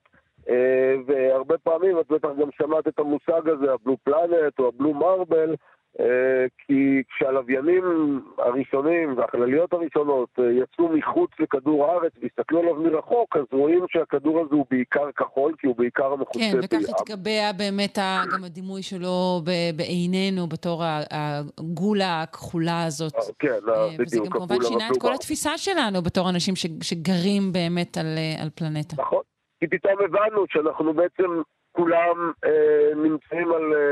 כדור אחד, לא כל כך גדול במונחים אה, של החלל, אה, ורובו מכוסה בים, אה, ואחר כך התחלנו להבין הרבה מאוד דברים אחרים. ואחד הדברים המעניינים שאנחנו מבינים זה שהטמפרטורות על כדור הארץ תלויות במשהו שאנחנו קוראים לו מאזן האנרגיה, כי בעצם כדור הארץ מקבל את כמעט כל האנרגיה שלו מהשמש. זה המנוע הגדול שמפעיל את כל התהליכים על כדור הארץ, הביולוגיים, הפיזיים, ואור השמש רובו מוחזר חזרה לחלל. אה, בעצם כמעט כמעט הכל מוחזר חזרה לחלל, והפער בין כמה שמוקרן למטה לכמה שחוזר החוצה, אה, הוא בעצם הטמפרטורה שאנחנו מרגישים על פני כדור הארץ. ככל שנשאר בתוך המערכת של כדור הארץ יותר, יותר אנרגיית אור, ככה הטמפרטורה יותר גבוהה. ואחד הדברים כן. שקובעים מאוד את כמה אור מוחזר אחורה זה הצבע. אם תחשבי על זה, אה, כשיש לנו למשל, הדוגמה הטובה ביותר שאפשר להסתכל עליה, זה הקרח הים שמכסה את אזור של הכתבים. בעצם הקרח הזה עובד כמו מראה. וככל שיש יותר קרח ים, יותר אור אה, מוחזר החוצה, נכון. והטמפרטורות יורדות, אה, זאת גם אה, אחת הסיבות שכדור הארץ, בתקופות שכדור הארץ היה מכוסה בכמויות גדולות של קרח, נגיד מה שאנחנו קוראים תקופות הקרח, אה, אז הטמפרטורות באמת היו מאוד נמוכות בגלל ההחזרה הזאת שאנחנו קוראים לה אלבדו. עכשיו, כן. מה שמעניין זה שאנחנו כמובן היום באמצעות אה, מכשירים אה, די מתוחכמים שיושבים על הלוויינים שמקיפים את כדור הארץ וממפים את כל כדור הארץ ואת הימים בעיקר, אנחנו יכולים למדוד את הצבע של האוקיינוס. והצבע של האוקיינוס מושפע מהרבה מאוד דברים, אבל בעיקר הוא מושפע מכל מיני אה, מיקרו-אצות והצמחים שמחזיקים את אה, מארג החיים האוקיאני, והם צפות להם בים, בחלקים העליונים המוארים בשמש, וככל שיש יותר מהם, אז צבע המים יכול להיות יותר ירוק או יותר חום, תלוי באיזה אצות יש לנו שם. ומה אוקיי, שגילינו... אוקיי, אנחנו מדברים על בחינה של, של צילומי לוויין משני העשורים האחרונים, נכון? בחינה ארוכת טווח. אנחנו מסתכלים על זה כבר יותר זמן. אבל אחת השאלות הגדולות שאנחנו רוצים לדעת זה האם יש מגמות. זאת אומרת, האם הצבע הזה אה, משתנה עם, ה... עם השנים. כי אנחנו יודעים, מרגע שהתחלנו להסתכל על זה, ראינו שכל שנה, למשל, אם תסתכלי על אה, חלקים של אה, צפון האטלנטי, גם על הים התיכון בחלקים המערביים שלו, גם בהרבה מאוד מקומות אחרים, אה, למשל כן, באוקיינוס ההודי, אנחנו רואים מחזורים כאלה. כל שנה באביב האוקיינוס נצבע בירוק, יש לנו אה, פריחה גדולה, מה שאנחנו קוראים התפוצצות אוכלוסייה של המיקרו-אצות האלה, והאוקיינוס נצבע בירוק, ועם ההתקדמות של העונה, הצבע הירוק הזה, שמעיד לנו על כמה צמחים יש בים, עולה יותר ויותר צפונה. בשיא הקיץ אנחנו רואים את האזורים הקוצביים ממש בצבעים ירוקים מאוד, או חומים מאוד, תלוי באיזה צמחים יש לנו שם. ואחר כך הדבר הזה הולך ודועך עם החורף, כשהשמש יורדת, ויש פחות אור, וקורים כל מיני אוקיי, תהליכים. כלומר, אתה מתאר תהליך שמשתנה בכל שנה בתוך. השנה, אבל כאן מתואר תהליך. מתמשך. בדיוק. והאתגר הגדול שמה שלקחו על עצמם כותבי המאמר הזה זה לנסות לראות אם בתוך השונות המאוד גדולה הזאת בין העונות, שהיא דרמטית, אנחנו רואים גם מגמות רב-שנתיות. ולא חשבנו שנוכל לראות, בשביל לראות מגמות רב-שנתיות אנחנו צריכים הרבה מאוד עשורים של תצפית, ובגלל שזה ארוך טווח, וקשה מאוד להשוות שנה לשנה בגלל השינויים הדרמטיים שקורים מאזור לאזור ומעונה לעונה, אה, ובגלל שקשה להשוות בין תצפיות מלוויינים שונים, מה שהחוקרים האלה עשו, הם לקחו אה, אה, תצפיות מלוויין אחד, שיש לנו אותו 20 שנה, הרבה יותר מהשש שנים שתכננו שהוא יעבוד, ועשו ניתוחים סטטיסטיים מאוד מתוחכמים, שאני לא אעלה בזה את המאזינים שלנו, אבל בעזרת הניתוחים האלה אפשר היה להראות שא', הצבע של האוקיינוס משתנה. וב', אפשר להראות אפילו יותר מזה, אפשר להראות שהצבעים משתנים בצורה שונה באזורים שונים. הדבר הכי דרמטי זה שהאוקיינוס בקווי הרוחב היותר נמוכים מהאזורים שלנו ודרומה יותר, וגם לצד שני של כדור הארץ, לכיוון הדרומי, הופך יותר ירוק. אה, אני חושב שזה, אני לא אכניס אתכם לסטטיסטיקה כי היא מסובכת והיא גם פחות מעניינת, אבל מעניין אולי לדבר רגע על המשמעויות של זה אם יש לנו עוד זמן. יש לנו עוד אה, כשתי דקות, אז קודם כל אנחנו אוקיי. מדברים על, על כיסוי יותר גדול בפלנקטון, נכון? לא, לא בהכרח.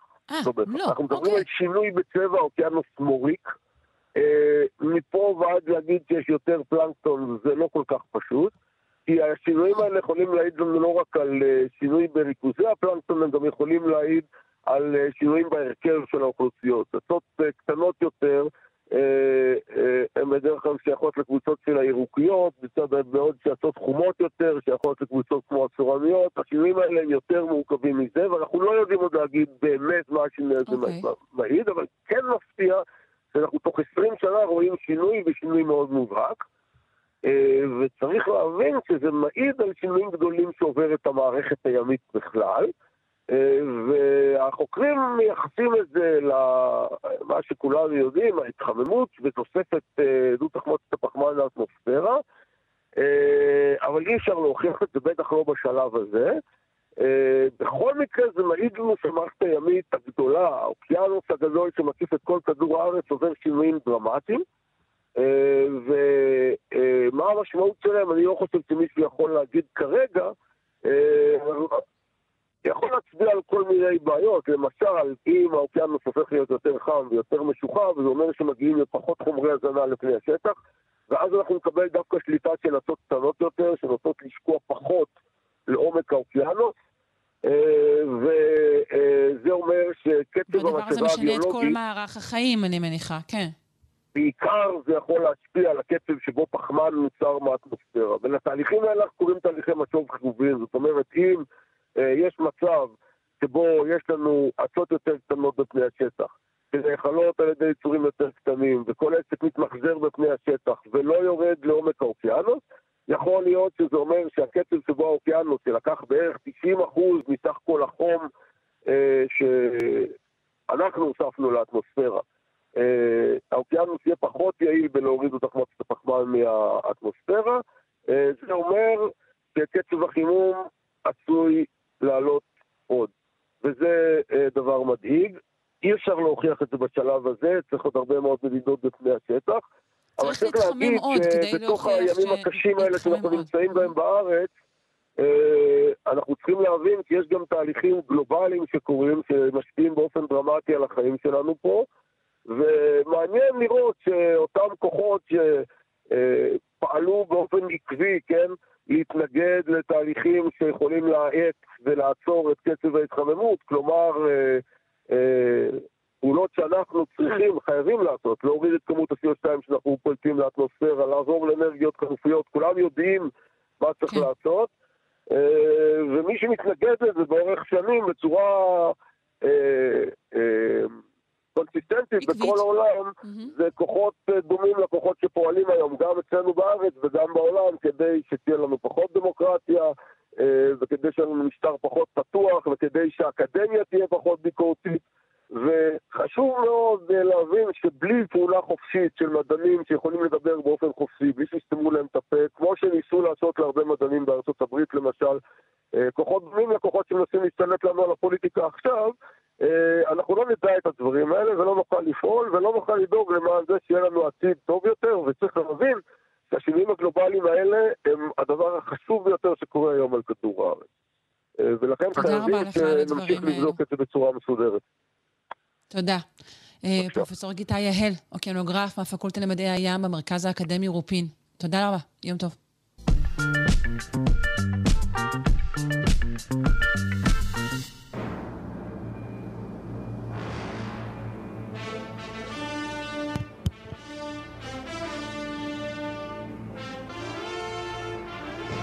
פינת התנ"ך של הדוקטור אילן אבקסיס, שדרן ההסכת דברי הימים, אנשים, אירועים, יצירות, הנמצא בכתובת ilanabc.co.il, וממש כאן איתנו על הקו אה, בבוקר סוער זה, בוקר טוב.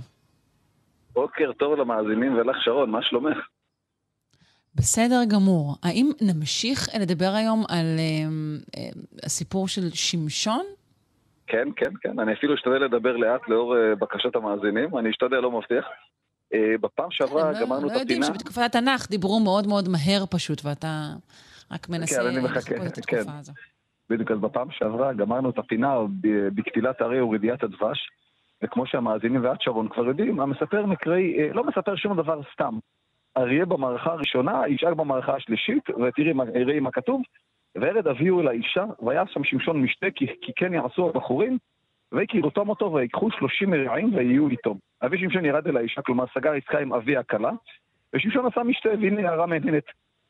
כי כן יעשו הבחורים. יש פה הסבר אצלנו לשאלה כיצד שמשון הנזיר, זה שמתנזר מיין ושחר, דווקא הוא עשה משתה. התשובה, כך מקובל, זה הנהוג החברתי, ושמשון, למען התפקוד החברתי התקין, גם ערך משתה. לא נאמר ששמש- ששמשון וגם שתה או לא הסברנו שתה שהוא מהיין. לא נזיר כפי שאנחנו מצפים, אה, אה, אולי במשמעות של המילה נזיר היום. הנה, הוא כן אה, הולך נכון. לשאת אישה, וכן יש משתה.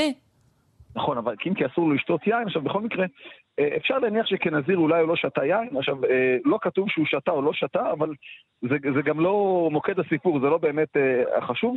והנה התפתחות בעלילה, את יודעת, אנשי המקום ראו אותו, והם ראו בחור רב כוח, וחששו, מה זה חששו? הצמידו לו 30 חברים במרכאות. בעצם שמו עליו שמירה הדוקה של 30 איש, שרק נבין עד כמה זה מפחיד אותם. עכשיו שימי לב שרון שהמספר המקראי בחר במילה מרעים. וזה לא במקרה. את יודעת, שרון, שבעברית יש כמה וכמה שורשים בעלי משמעות הפוכה, כמו לחטוא ולחטא, לברוא, לברא, לשרש ולהשריש ועוד ועוד. אה, וגם צירוף האותיות רש עין יכול להתפרש במובן של רע, וגם במובן של רע. ושלושים הבחורים לכאורה- הם לכאורה רעים, אבל הם יכולים להפוך לרעים. לכך שמשון מוקף חברים לכאורה, שהם בפועל שומרי הראש שלו, שלא עושה שטויות. את יודעת עכשיו, שרון, שאלכוהול הוא זמן חופשי, הוא זמן פנוי, סליחה, הם מתכון לשעמום, ושעמום יכול לייצר אירועים שעלולים לצאת מכלל שליטה. כתוב, ואומר להם שמשון, אחודה לכם חידה. אם הגט תגידו, תגידו תלי שבעת ימי המשתה ומצאתם, ונתתי לכם שלושים ספינים ושלושים חליפות בגדים, ואם לא תוכלו להגיד לי ונתתם אתם לי שלושים ספינים ושלושים חליפות בגדים, ואמרו לו, חוד אחידתך ונשמע- ונשמענה. שמשון הציע להם התערבות, הוא יחוד חידה כלשהי, הפרס לפתרון, או חוסר הפתרון הוא 30 חליפות בגדים. אם הם ימצאו את הפתרון, הוא יביא להם 30 חליפות, ואם לא, אז הם ייתנו לו. לא לא מבינה את הגנדרנות. מי מי צריך 30 חליפות בגדים? אני חושב שבתנ"ך שמים על עצמך איזה שלמה, וזהו. כן, אה, בדיוק, אבל המספר אינו מקרי כמובן. כל אחד מהמרעים או ייתן או יקבל חליפה. אה, עכשיו, ברור לך ששרון ששמעון כבר קלט את מהות אותם 30 חברים במרכאות, והחליט להקנית אותם, ועל מנת להגביר את המתח נקבע מסגרת זמן שבוע. שרון, מעטים הם הגברים המשועממים שמציעים להם התערבות ולא מסכימים, והנה החידה. ויאמר להם, מהאוכל יצא מאכל ומעז יצא מתוק. שמשון חד את החידה וזה סוג של משחק מלוכלך. מדוע זה משחק מלוכלך? כי החידה רק הוא התייחסה יודע את. התשובה. מי... בדיוק. לא, מי עוד יודע על הדבר הזה? זהו, בדיוק, רק שמשון והרי נכחו באירוע הזה, ואין סיכוי שהפלישתים או כל אחד אחר היה מנחש שהוא נמצא בכלל בכיוון, וזו משימה בלתי אפשרית, הפלישתים הם די נבוכים, אבל לא יכלו להגיד החידה שלושת ימים. פלישתים לא הבינו מה נפל, נפל עליהם כתב חידה ממש ממש לא ברור, כללי בצורה כזו שהוא יכול להתאים לדברים רבים או לא להתאים לשום דבר, זה מצב מאוד מאוד מתסכל, הם הבינו שיש פה משהו לא תקין, משהו לא הוגן בהתערבות, יש פה יתרון מובנה לשמשון. מתברר שגם הפלישתים יודעים לשחק מלוכלך. באים ביום השביעי ואמרו לאשת שמשון, פתי את אישך ויגד לנו את החידה, פן ישרוף אותך ואת בית אביך באש, על הירשנו קראתם לנו הלא. והם זיהו את החוליה החלשה, הם הבינו שהם עומדים להפסיד, אז הם לחצו על אשת שמשון. דרישתם היא חד משמעית ברור, וברורה. הם אמרו, פתי את אישך, והוא יגלה לך את החידה, ואת תגלי לנו והכל יהיה טוב. אחרת תשרוף אותך ואת, בית אביך, כי לא מתאים לנו להפסיד בהתערבות הזו. היא הבינה מיד את גודל האיום, ומה כתוב? ותבך אשת שמשון עליו ותאמר, רק שנאתני ולא אהבתני. החידה חדת לפני עמי, ולי לא הגדת. ויאמר לה, הנה להביאו לי מי לא הגדתי, ולך אגיד? אשת שמשון בכתה עליו, כלומר הציקה לו, התבכיינה, ממי, למה אתה לא מספר לי? ממי, אתה מסיר ממני דברים, ממי, אתה לא אוהב אותי יותר, זה לא יפה. עכשיו שמשון גיחך ואמר לה, מה נסגר איתך? להורים שאני לא, לא גיליתי, אז לך אני אגיד?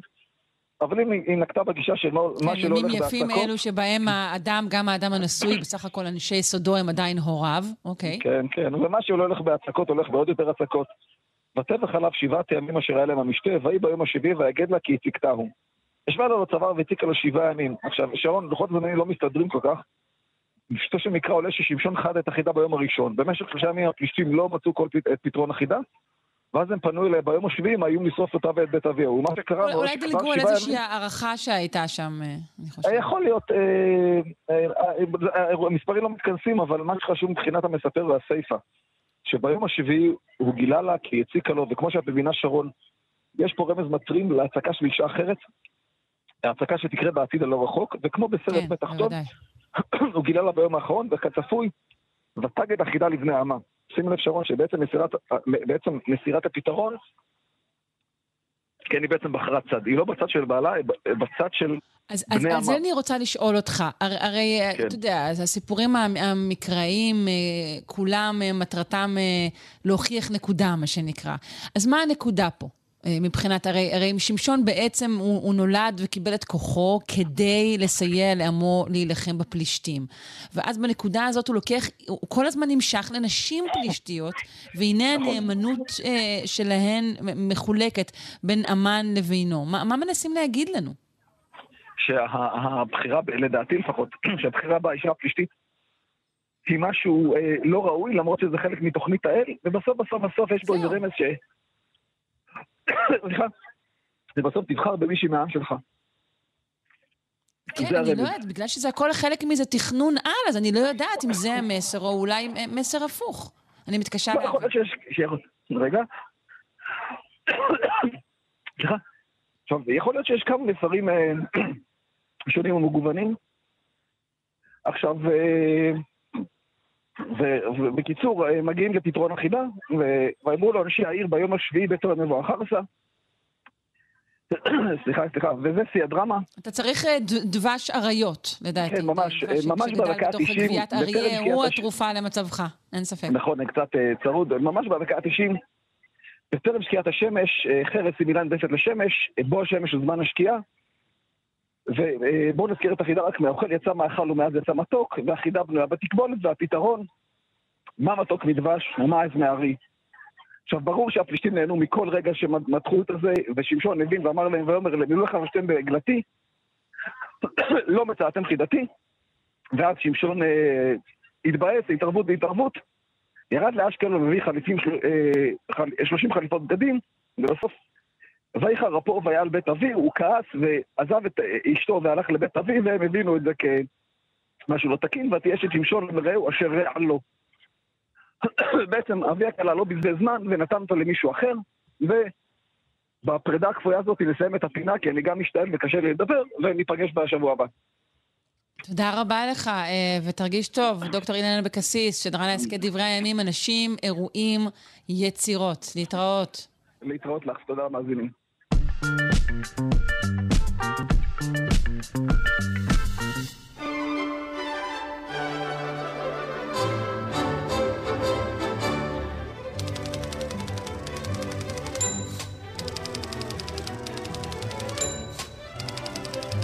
פינת הלשון של הדוקטור סמדר כהן, לשונאית הבית. שלום, בוקר טוב.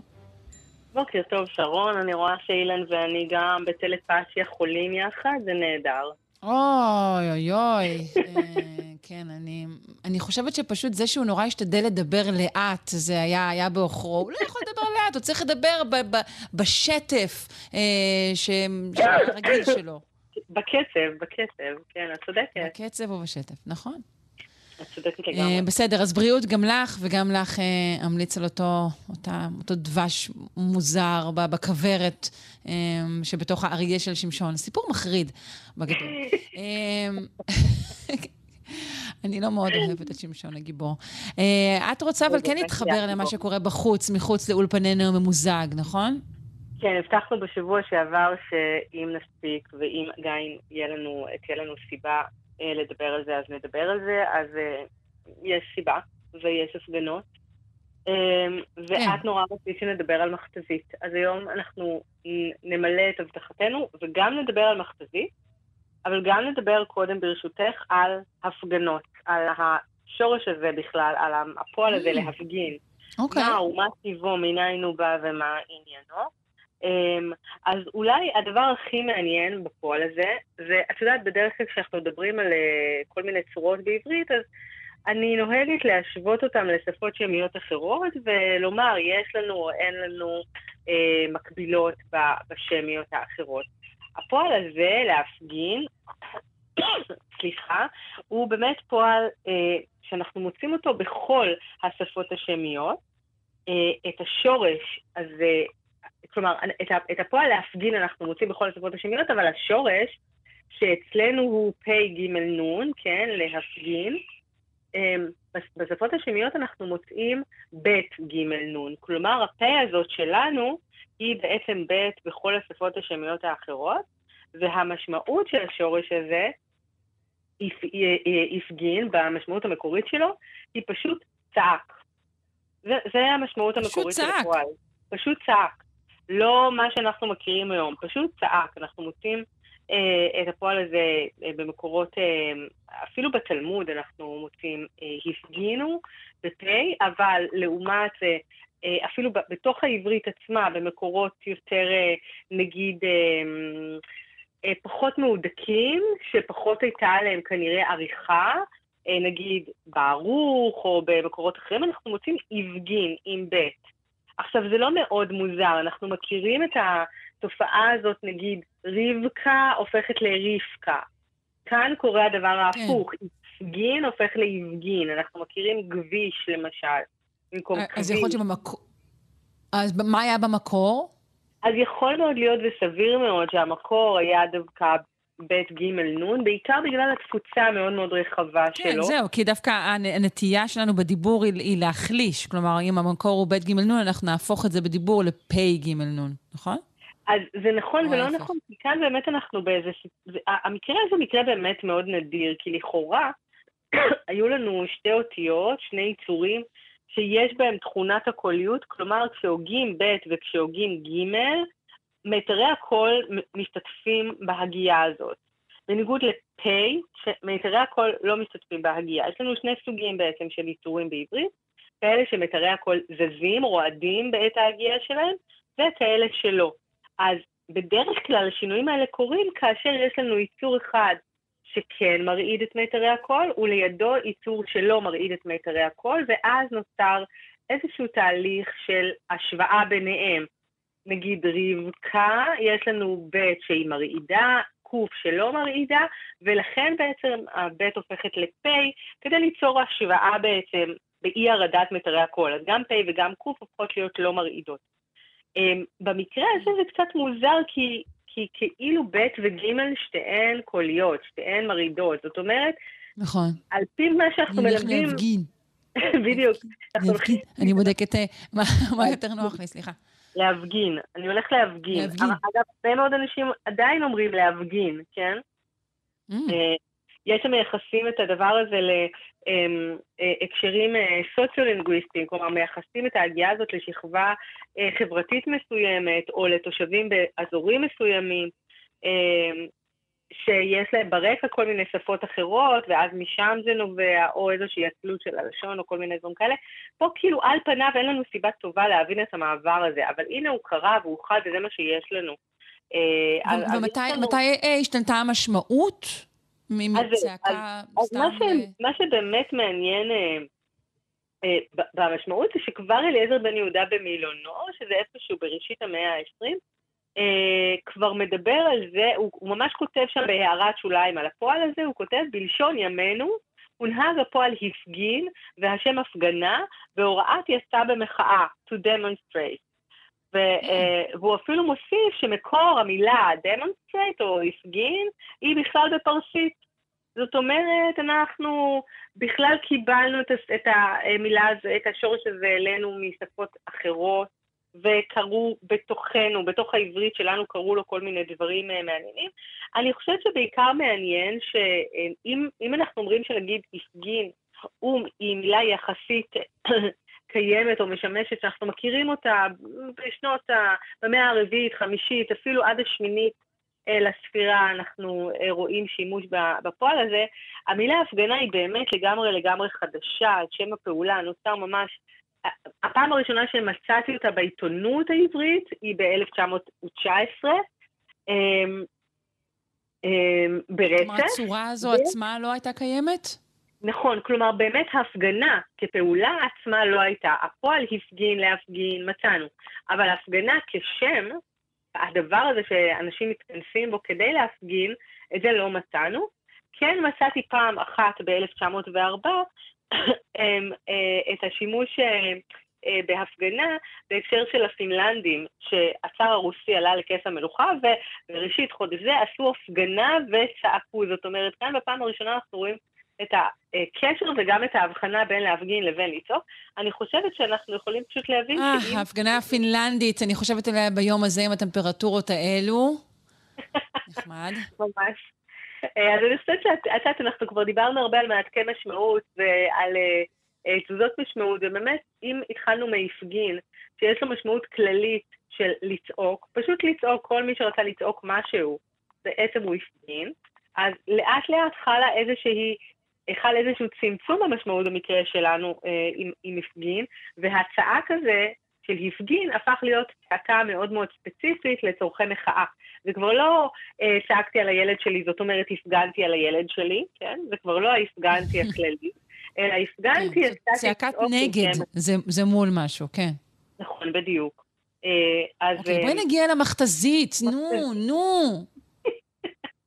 טוב, אז את יודעת, לפני 27-8 שבועות לא רבים מאיתנו ידעו מה זה הדבר הזה, וגם אם ידעו, חשבו שהיא פועלת אך ורק באזורים ספציפיים, כלפי אוכלוסיות ספציפיות, ובאופן די נדיר.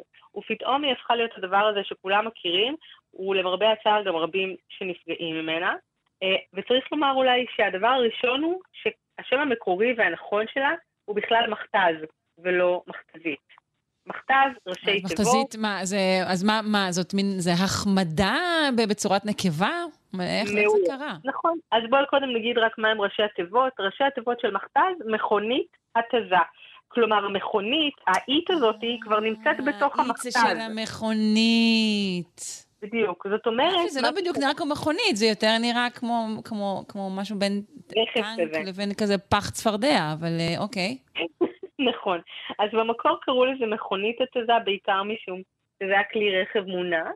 אמ, ואולי מה שמעניין כאן זה שבאמת יש לנו, הרבה פעמים בשפה אנחנו מדברים על אובדן הכוח הסמנטי של מילים. כלומר, הרבה פעמים המילים מאבדות את המשמעות או את הערך או את הכוח שלהן, ואז אנחנו מוצאים את עצמנו מוסיפים עליהן משהו. למשל, דיברנו על זה לדעתי פעם, על זאת לעומת זאתי. אה, זאתי זאת שגיאה גסה, נכון? אנחנו מתקנים בדרך כלל אנשים שאומרים, אה, מה יש לזאתי, כן? במקום זאת. אה, אבל האי הזאת בעצם גורמת לנו להבין שכנראה השומע והמשתמש לא שמים לב שהתו הזאת היא תו נקבית, ומרגישים צורך להדגיש שמדובר בו בתורת נקבה. אותו דבר בעצם קורה לנו במכתזית. התחושה היא כנראה של הדוברים, שבמכתז נוצרת צורת זכר, אבל בעצם מכתז היא ראשי תיבות של מכונית התזה. כלומר, כשאתה משתמש במכתז, ואתה רוצה להגיד המכתז איתי אבל המכתז הוא זכר, אתה כל אחד שומע שהמכתז הוא זכר, אפילו אם הוא מכיל בתוכו מכונית. נכון ולא למרות נכון. שכאילו אולי צריך להגיד שהוא מכתז הבת, ואז יהיה ברור. נכון, אז אולי נגיד מכתז זה בעד רעיון יפה ממש, אבל אה, אז אה, יאשימו אותנו בהקטנה ו/או בשימוש אה, לא נאה במין הנקבי, אבל אני חושבת שבעיקר יש לנו כאן הסוגיה שאנחנו כבר הרבה פעמים דיברנו בה, סוגיית ה... אז איך אנחנו נותנים שם תואר לראשי תיבות? וראשי תיבות באמת העניין שלהם שגם אם אני כבר אומרת מכתב כראשי תיבות, אני עדיין צריכה להתאים את שם התואר שבא אחריה, או את הפועל שבא אחריה, למשמעות של ראשי התיבות. לצורך העניין, מכונית ההתזה היא טיזה. אם אני אומרת המכתז mm. היא טיזה, זה נשמע מוזר, כי אנשים לא. תופסים באמת את מכתז כזכר. ואז לתת לא, פועל בנקבה אחריו זה מוזר מאוד. לא, זה לא טוב. נכון, ולכן כנראה נוצרה התוספת הזאת של סיומת האית הזאת, שבאופן אוטומטי מעבירה אותנו קודם כל לעולמות של נקבה, ואז המכתזית התיזה יוצר שוויון במין, אז אין לנו כבר את הדיסוננס הזה בין זכר או נקבה באותו צירוף. דבר שני, כמו שאמרת, יש לנו כאן באמת איזה משהו כאילו קצת יותר קטן, יותר חמוד, יותר כאילו סיומת אית. או, או ההפך, את יודעת, דווקא לפעמים איזשהו ייחוס של תכונה מרושעת אה, ואפילו סטניסטית כמעט, שזה דווקא צורת הנקבה נותנת גם. גם תופעות כאלו אנחנו מכירים. כן, שזה קצת יותר בעולמות של הסלנג הצודקת. אה, אבל אני חושבת שאולי גם יש כאן עוד משהו אה, אחד, והוא אנחנו יודעים להגיד שיש לנו סיומת אית שהתפקיד שלה הוא לסמן, הוא, הוא בעצם ליצור מילים בעברית שהן, שהן כלי רכב. לצורך העניין, משאית זה בעצם נכון. מסע וסיומת אית, שאומר לנו שזאת מכונית מסע.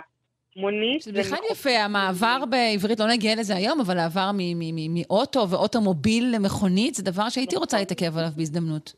מעולה, יאללה, בואי נדבר עליו בפעם הבאה. אה, יופי, מצוין. אז כן, אז בדיוק הדבר הזה, כלומר, כשאנחנו אומרים עכשיו מכתזית, זה בעצם מכונית שהסוג שלה הוא מכתוז. זה בעצם מה שנוצר כאן. ו- ושוב, אנחנו מדברים על זה שהראש, המוח שלנו, יוצר דגמים במערכת, הוא לא יוצר מילה, מילה, מילה. וכשיש לנו בראש כבר הבנה שסיומת אית יוצרת לנו כלי רכב, אז קל מאוד להגיד למה נוצרה לנו פתאום מכתזית ככלי רכב, כסיומת אית, ולא שמרה על המכתז המקורי שלה. טוב, ואני מקווה ששיחה אה, נינוחה ומעט אה, תלושה זו מעולמות הלשון אה, סביב המכתזית אה, תישאר הגיונית גם במהלך היום הזה, אה, עד השידור החוזר שלנו. אני מודה לך מאוד, דוקטור סמדר כהן, לשונאית הבית. תרגישי טוב. תודה, שרון. להתראות. ביי.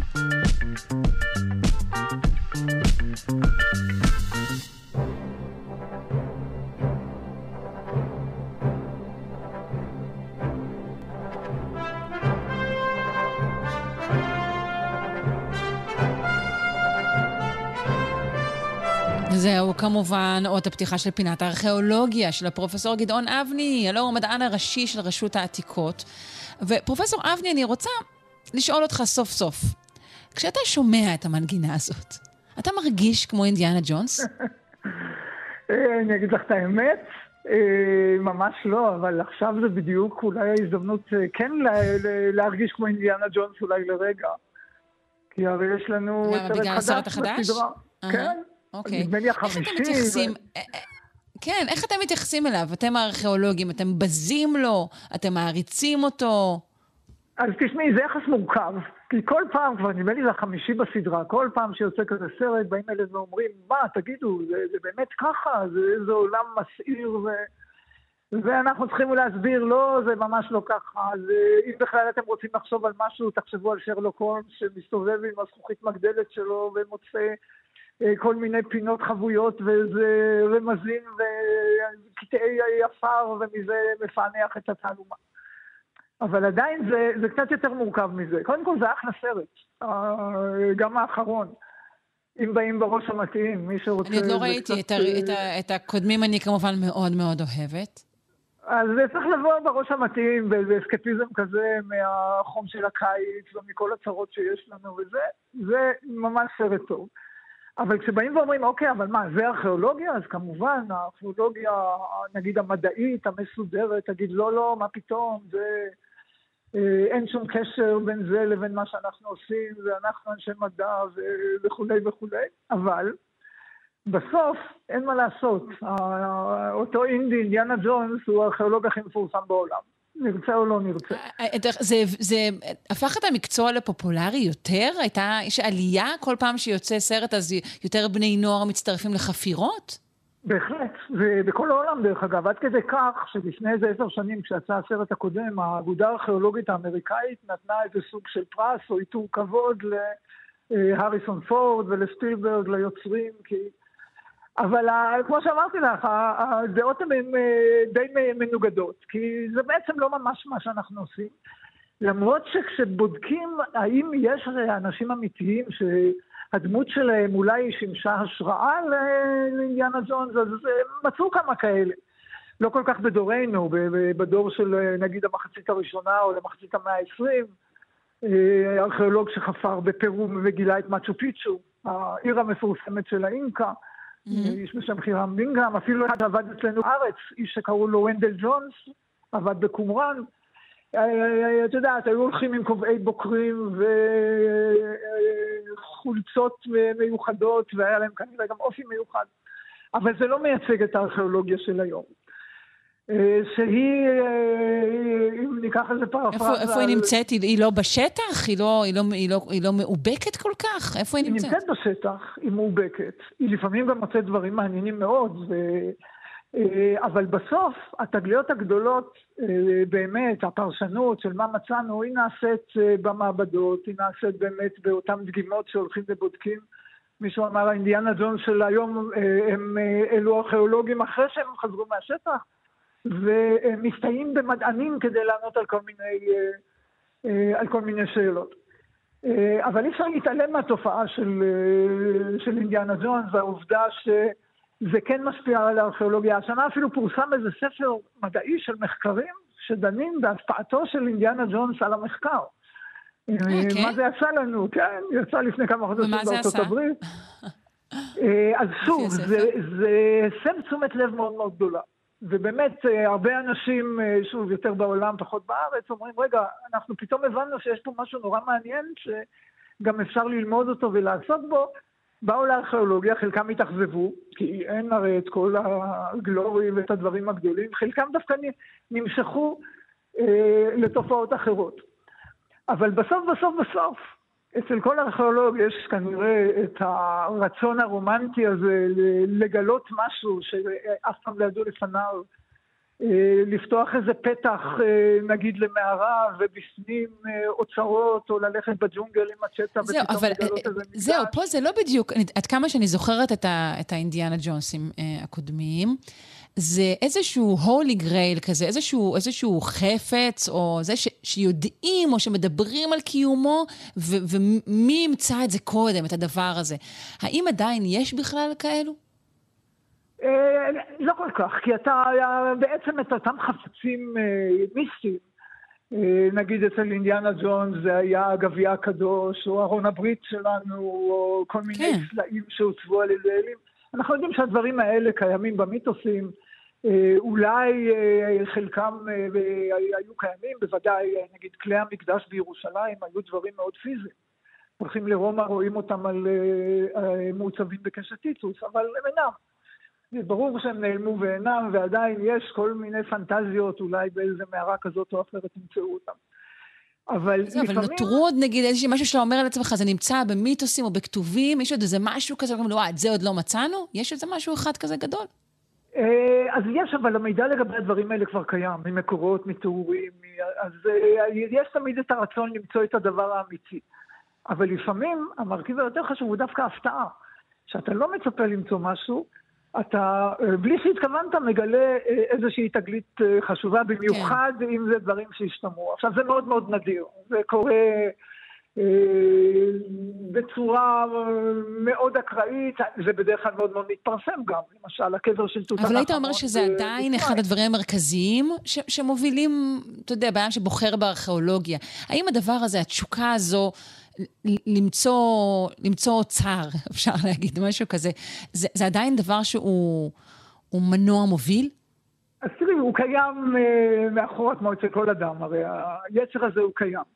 ברגע שנכנסים לרזי המקצוע, מבינים שיש שאלות מרתקות וחשובות וגדולות, אבל הם באים מתחומים אחרים, הם באמת נמצאים בלב האקדמיה. אבל רובנו יש לנו איזשהו אה, נפשות רומנטיות באיזשהו מקום. אני יכול להביא לך דוגמה אפילו מהקריירה שלי לפני הרבה שנים. הגילוי הזה של אה, פתח באדמה שאתה נכנס ופתאום מוצא, במקרה הזה זה היה מערת קבורה בירושלים, מהבודדות שלא נשדדו. אה, אפילו היא זכתה לתיאור טלוויזיוני. באיזה שלב של הקריירה שלך זה היה? בן כמה היית? זה היה בשלב אה, לא מאוד מוקדם, בערך, אה, נגיד, במחצית הקריירה, דרך אגב, זה גם זכה לתיעוד טלוויזיוני.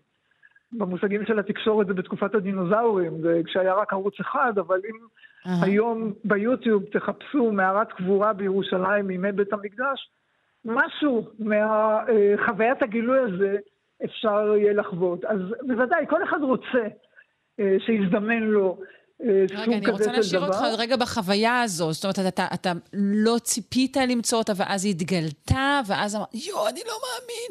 ונכנסת כזה עם, עם, עם, עם פנס פנימה.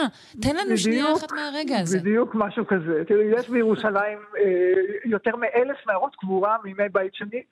רובם ככולם שדודות, ארוסות, באים, מוצאים, היו פה לפנינו. החוויה של להיכנס למקום שאתה יודע שאתה הראשון שנכנס לשם אחרי 1,500 או 2,000 שנה, היא חוויה מאוד מאוד מיוחדת ומאוד מאוד נדירה, כמו שאמרתי. אה, וזה הדבר הכי קרוב לאינדיאנה ג'ונס. פשוט נכנסים, לא צריך לבדוק קודם שלא הכל... פשוט נכנסים, לא צריך לבדוק קודם שלא הכל ייפול לך על הראש, שלא הכל מלא בנחשים מסוכנים, אם אנחנו כבר בענייני אינדיאנה ג'ונס. נכנסים פנימה? אז פשוט, מאחר ומדובר במערות חצובות, נכנסים פנימה. ובאמת מארחים בין חדרים, ובכל חדר יש גילוי, כי אתה רואה את הדברים שנגיד הקדמונים השאירו שם. אה, וזה בהחלט חוויה מיוחדת ונדירה, אבל שוב, הדברים האלה התפרסמו גם בספרות המדעית, גם כמו שאמרתי, בזמנו ערוץ אחד עשה על זה סרט שלם שהוקרן במשך לא מעט שנים. אה, אבל כשבאים היום ואומרים, אוקיי, אבל מה הדבר הבאמת חשוב למחקר, למדע, להתקדמות? זה נורא נחמד וזה נורא יפה וזה נורא מרגש, הדברים האלה, אבל מה לעשות, תחומי המדע עובדים אחרת בעבודה מאוד זהירה וקפדנית לאורך שנים וכו'. בוודאי, ואנחנו לא רוצים גם להוציא הודעות לפני זמנן, אנחנו יודעים את זה. פרופסור אבני, זמננו תם. אני המדען הראשי של רשות העתיקות, כמובן. אני ממש מודה לך על הפינה הזו והשיחה הזו היום. תודה, להתראות. תודה, להתראות. ביי. עד כאן שלושה שיודעים להיום, ערכה אותנו אלכס לויקר, על ההפקה היו עמרי קפלן, אניה קלזון וטל ניסן, על הביצוע הטכני דימה קרנצוב, אני שרון קנטור, ממליצה לכם להישאר ולהאזין לגם כן תרבות. המשך יום טוב ובטוח.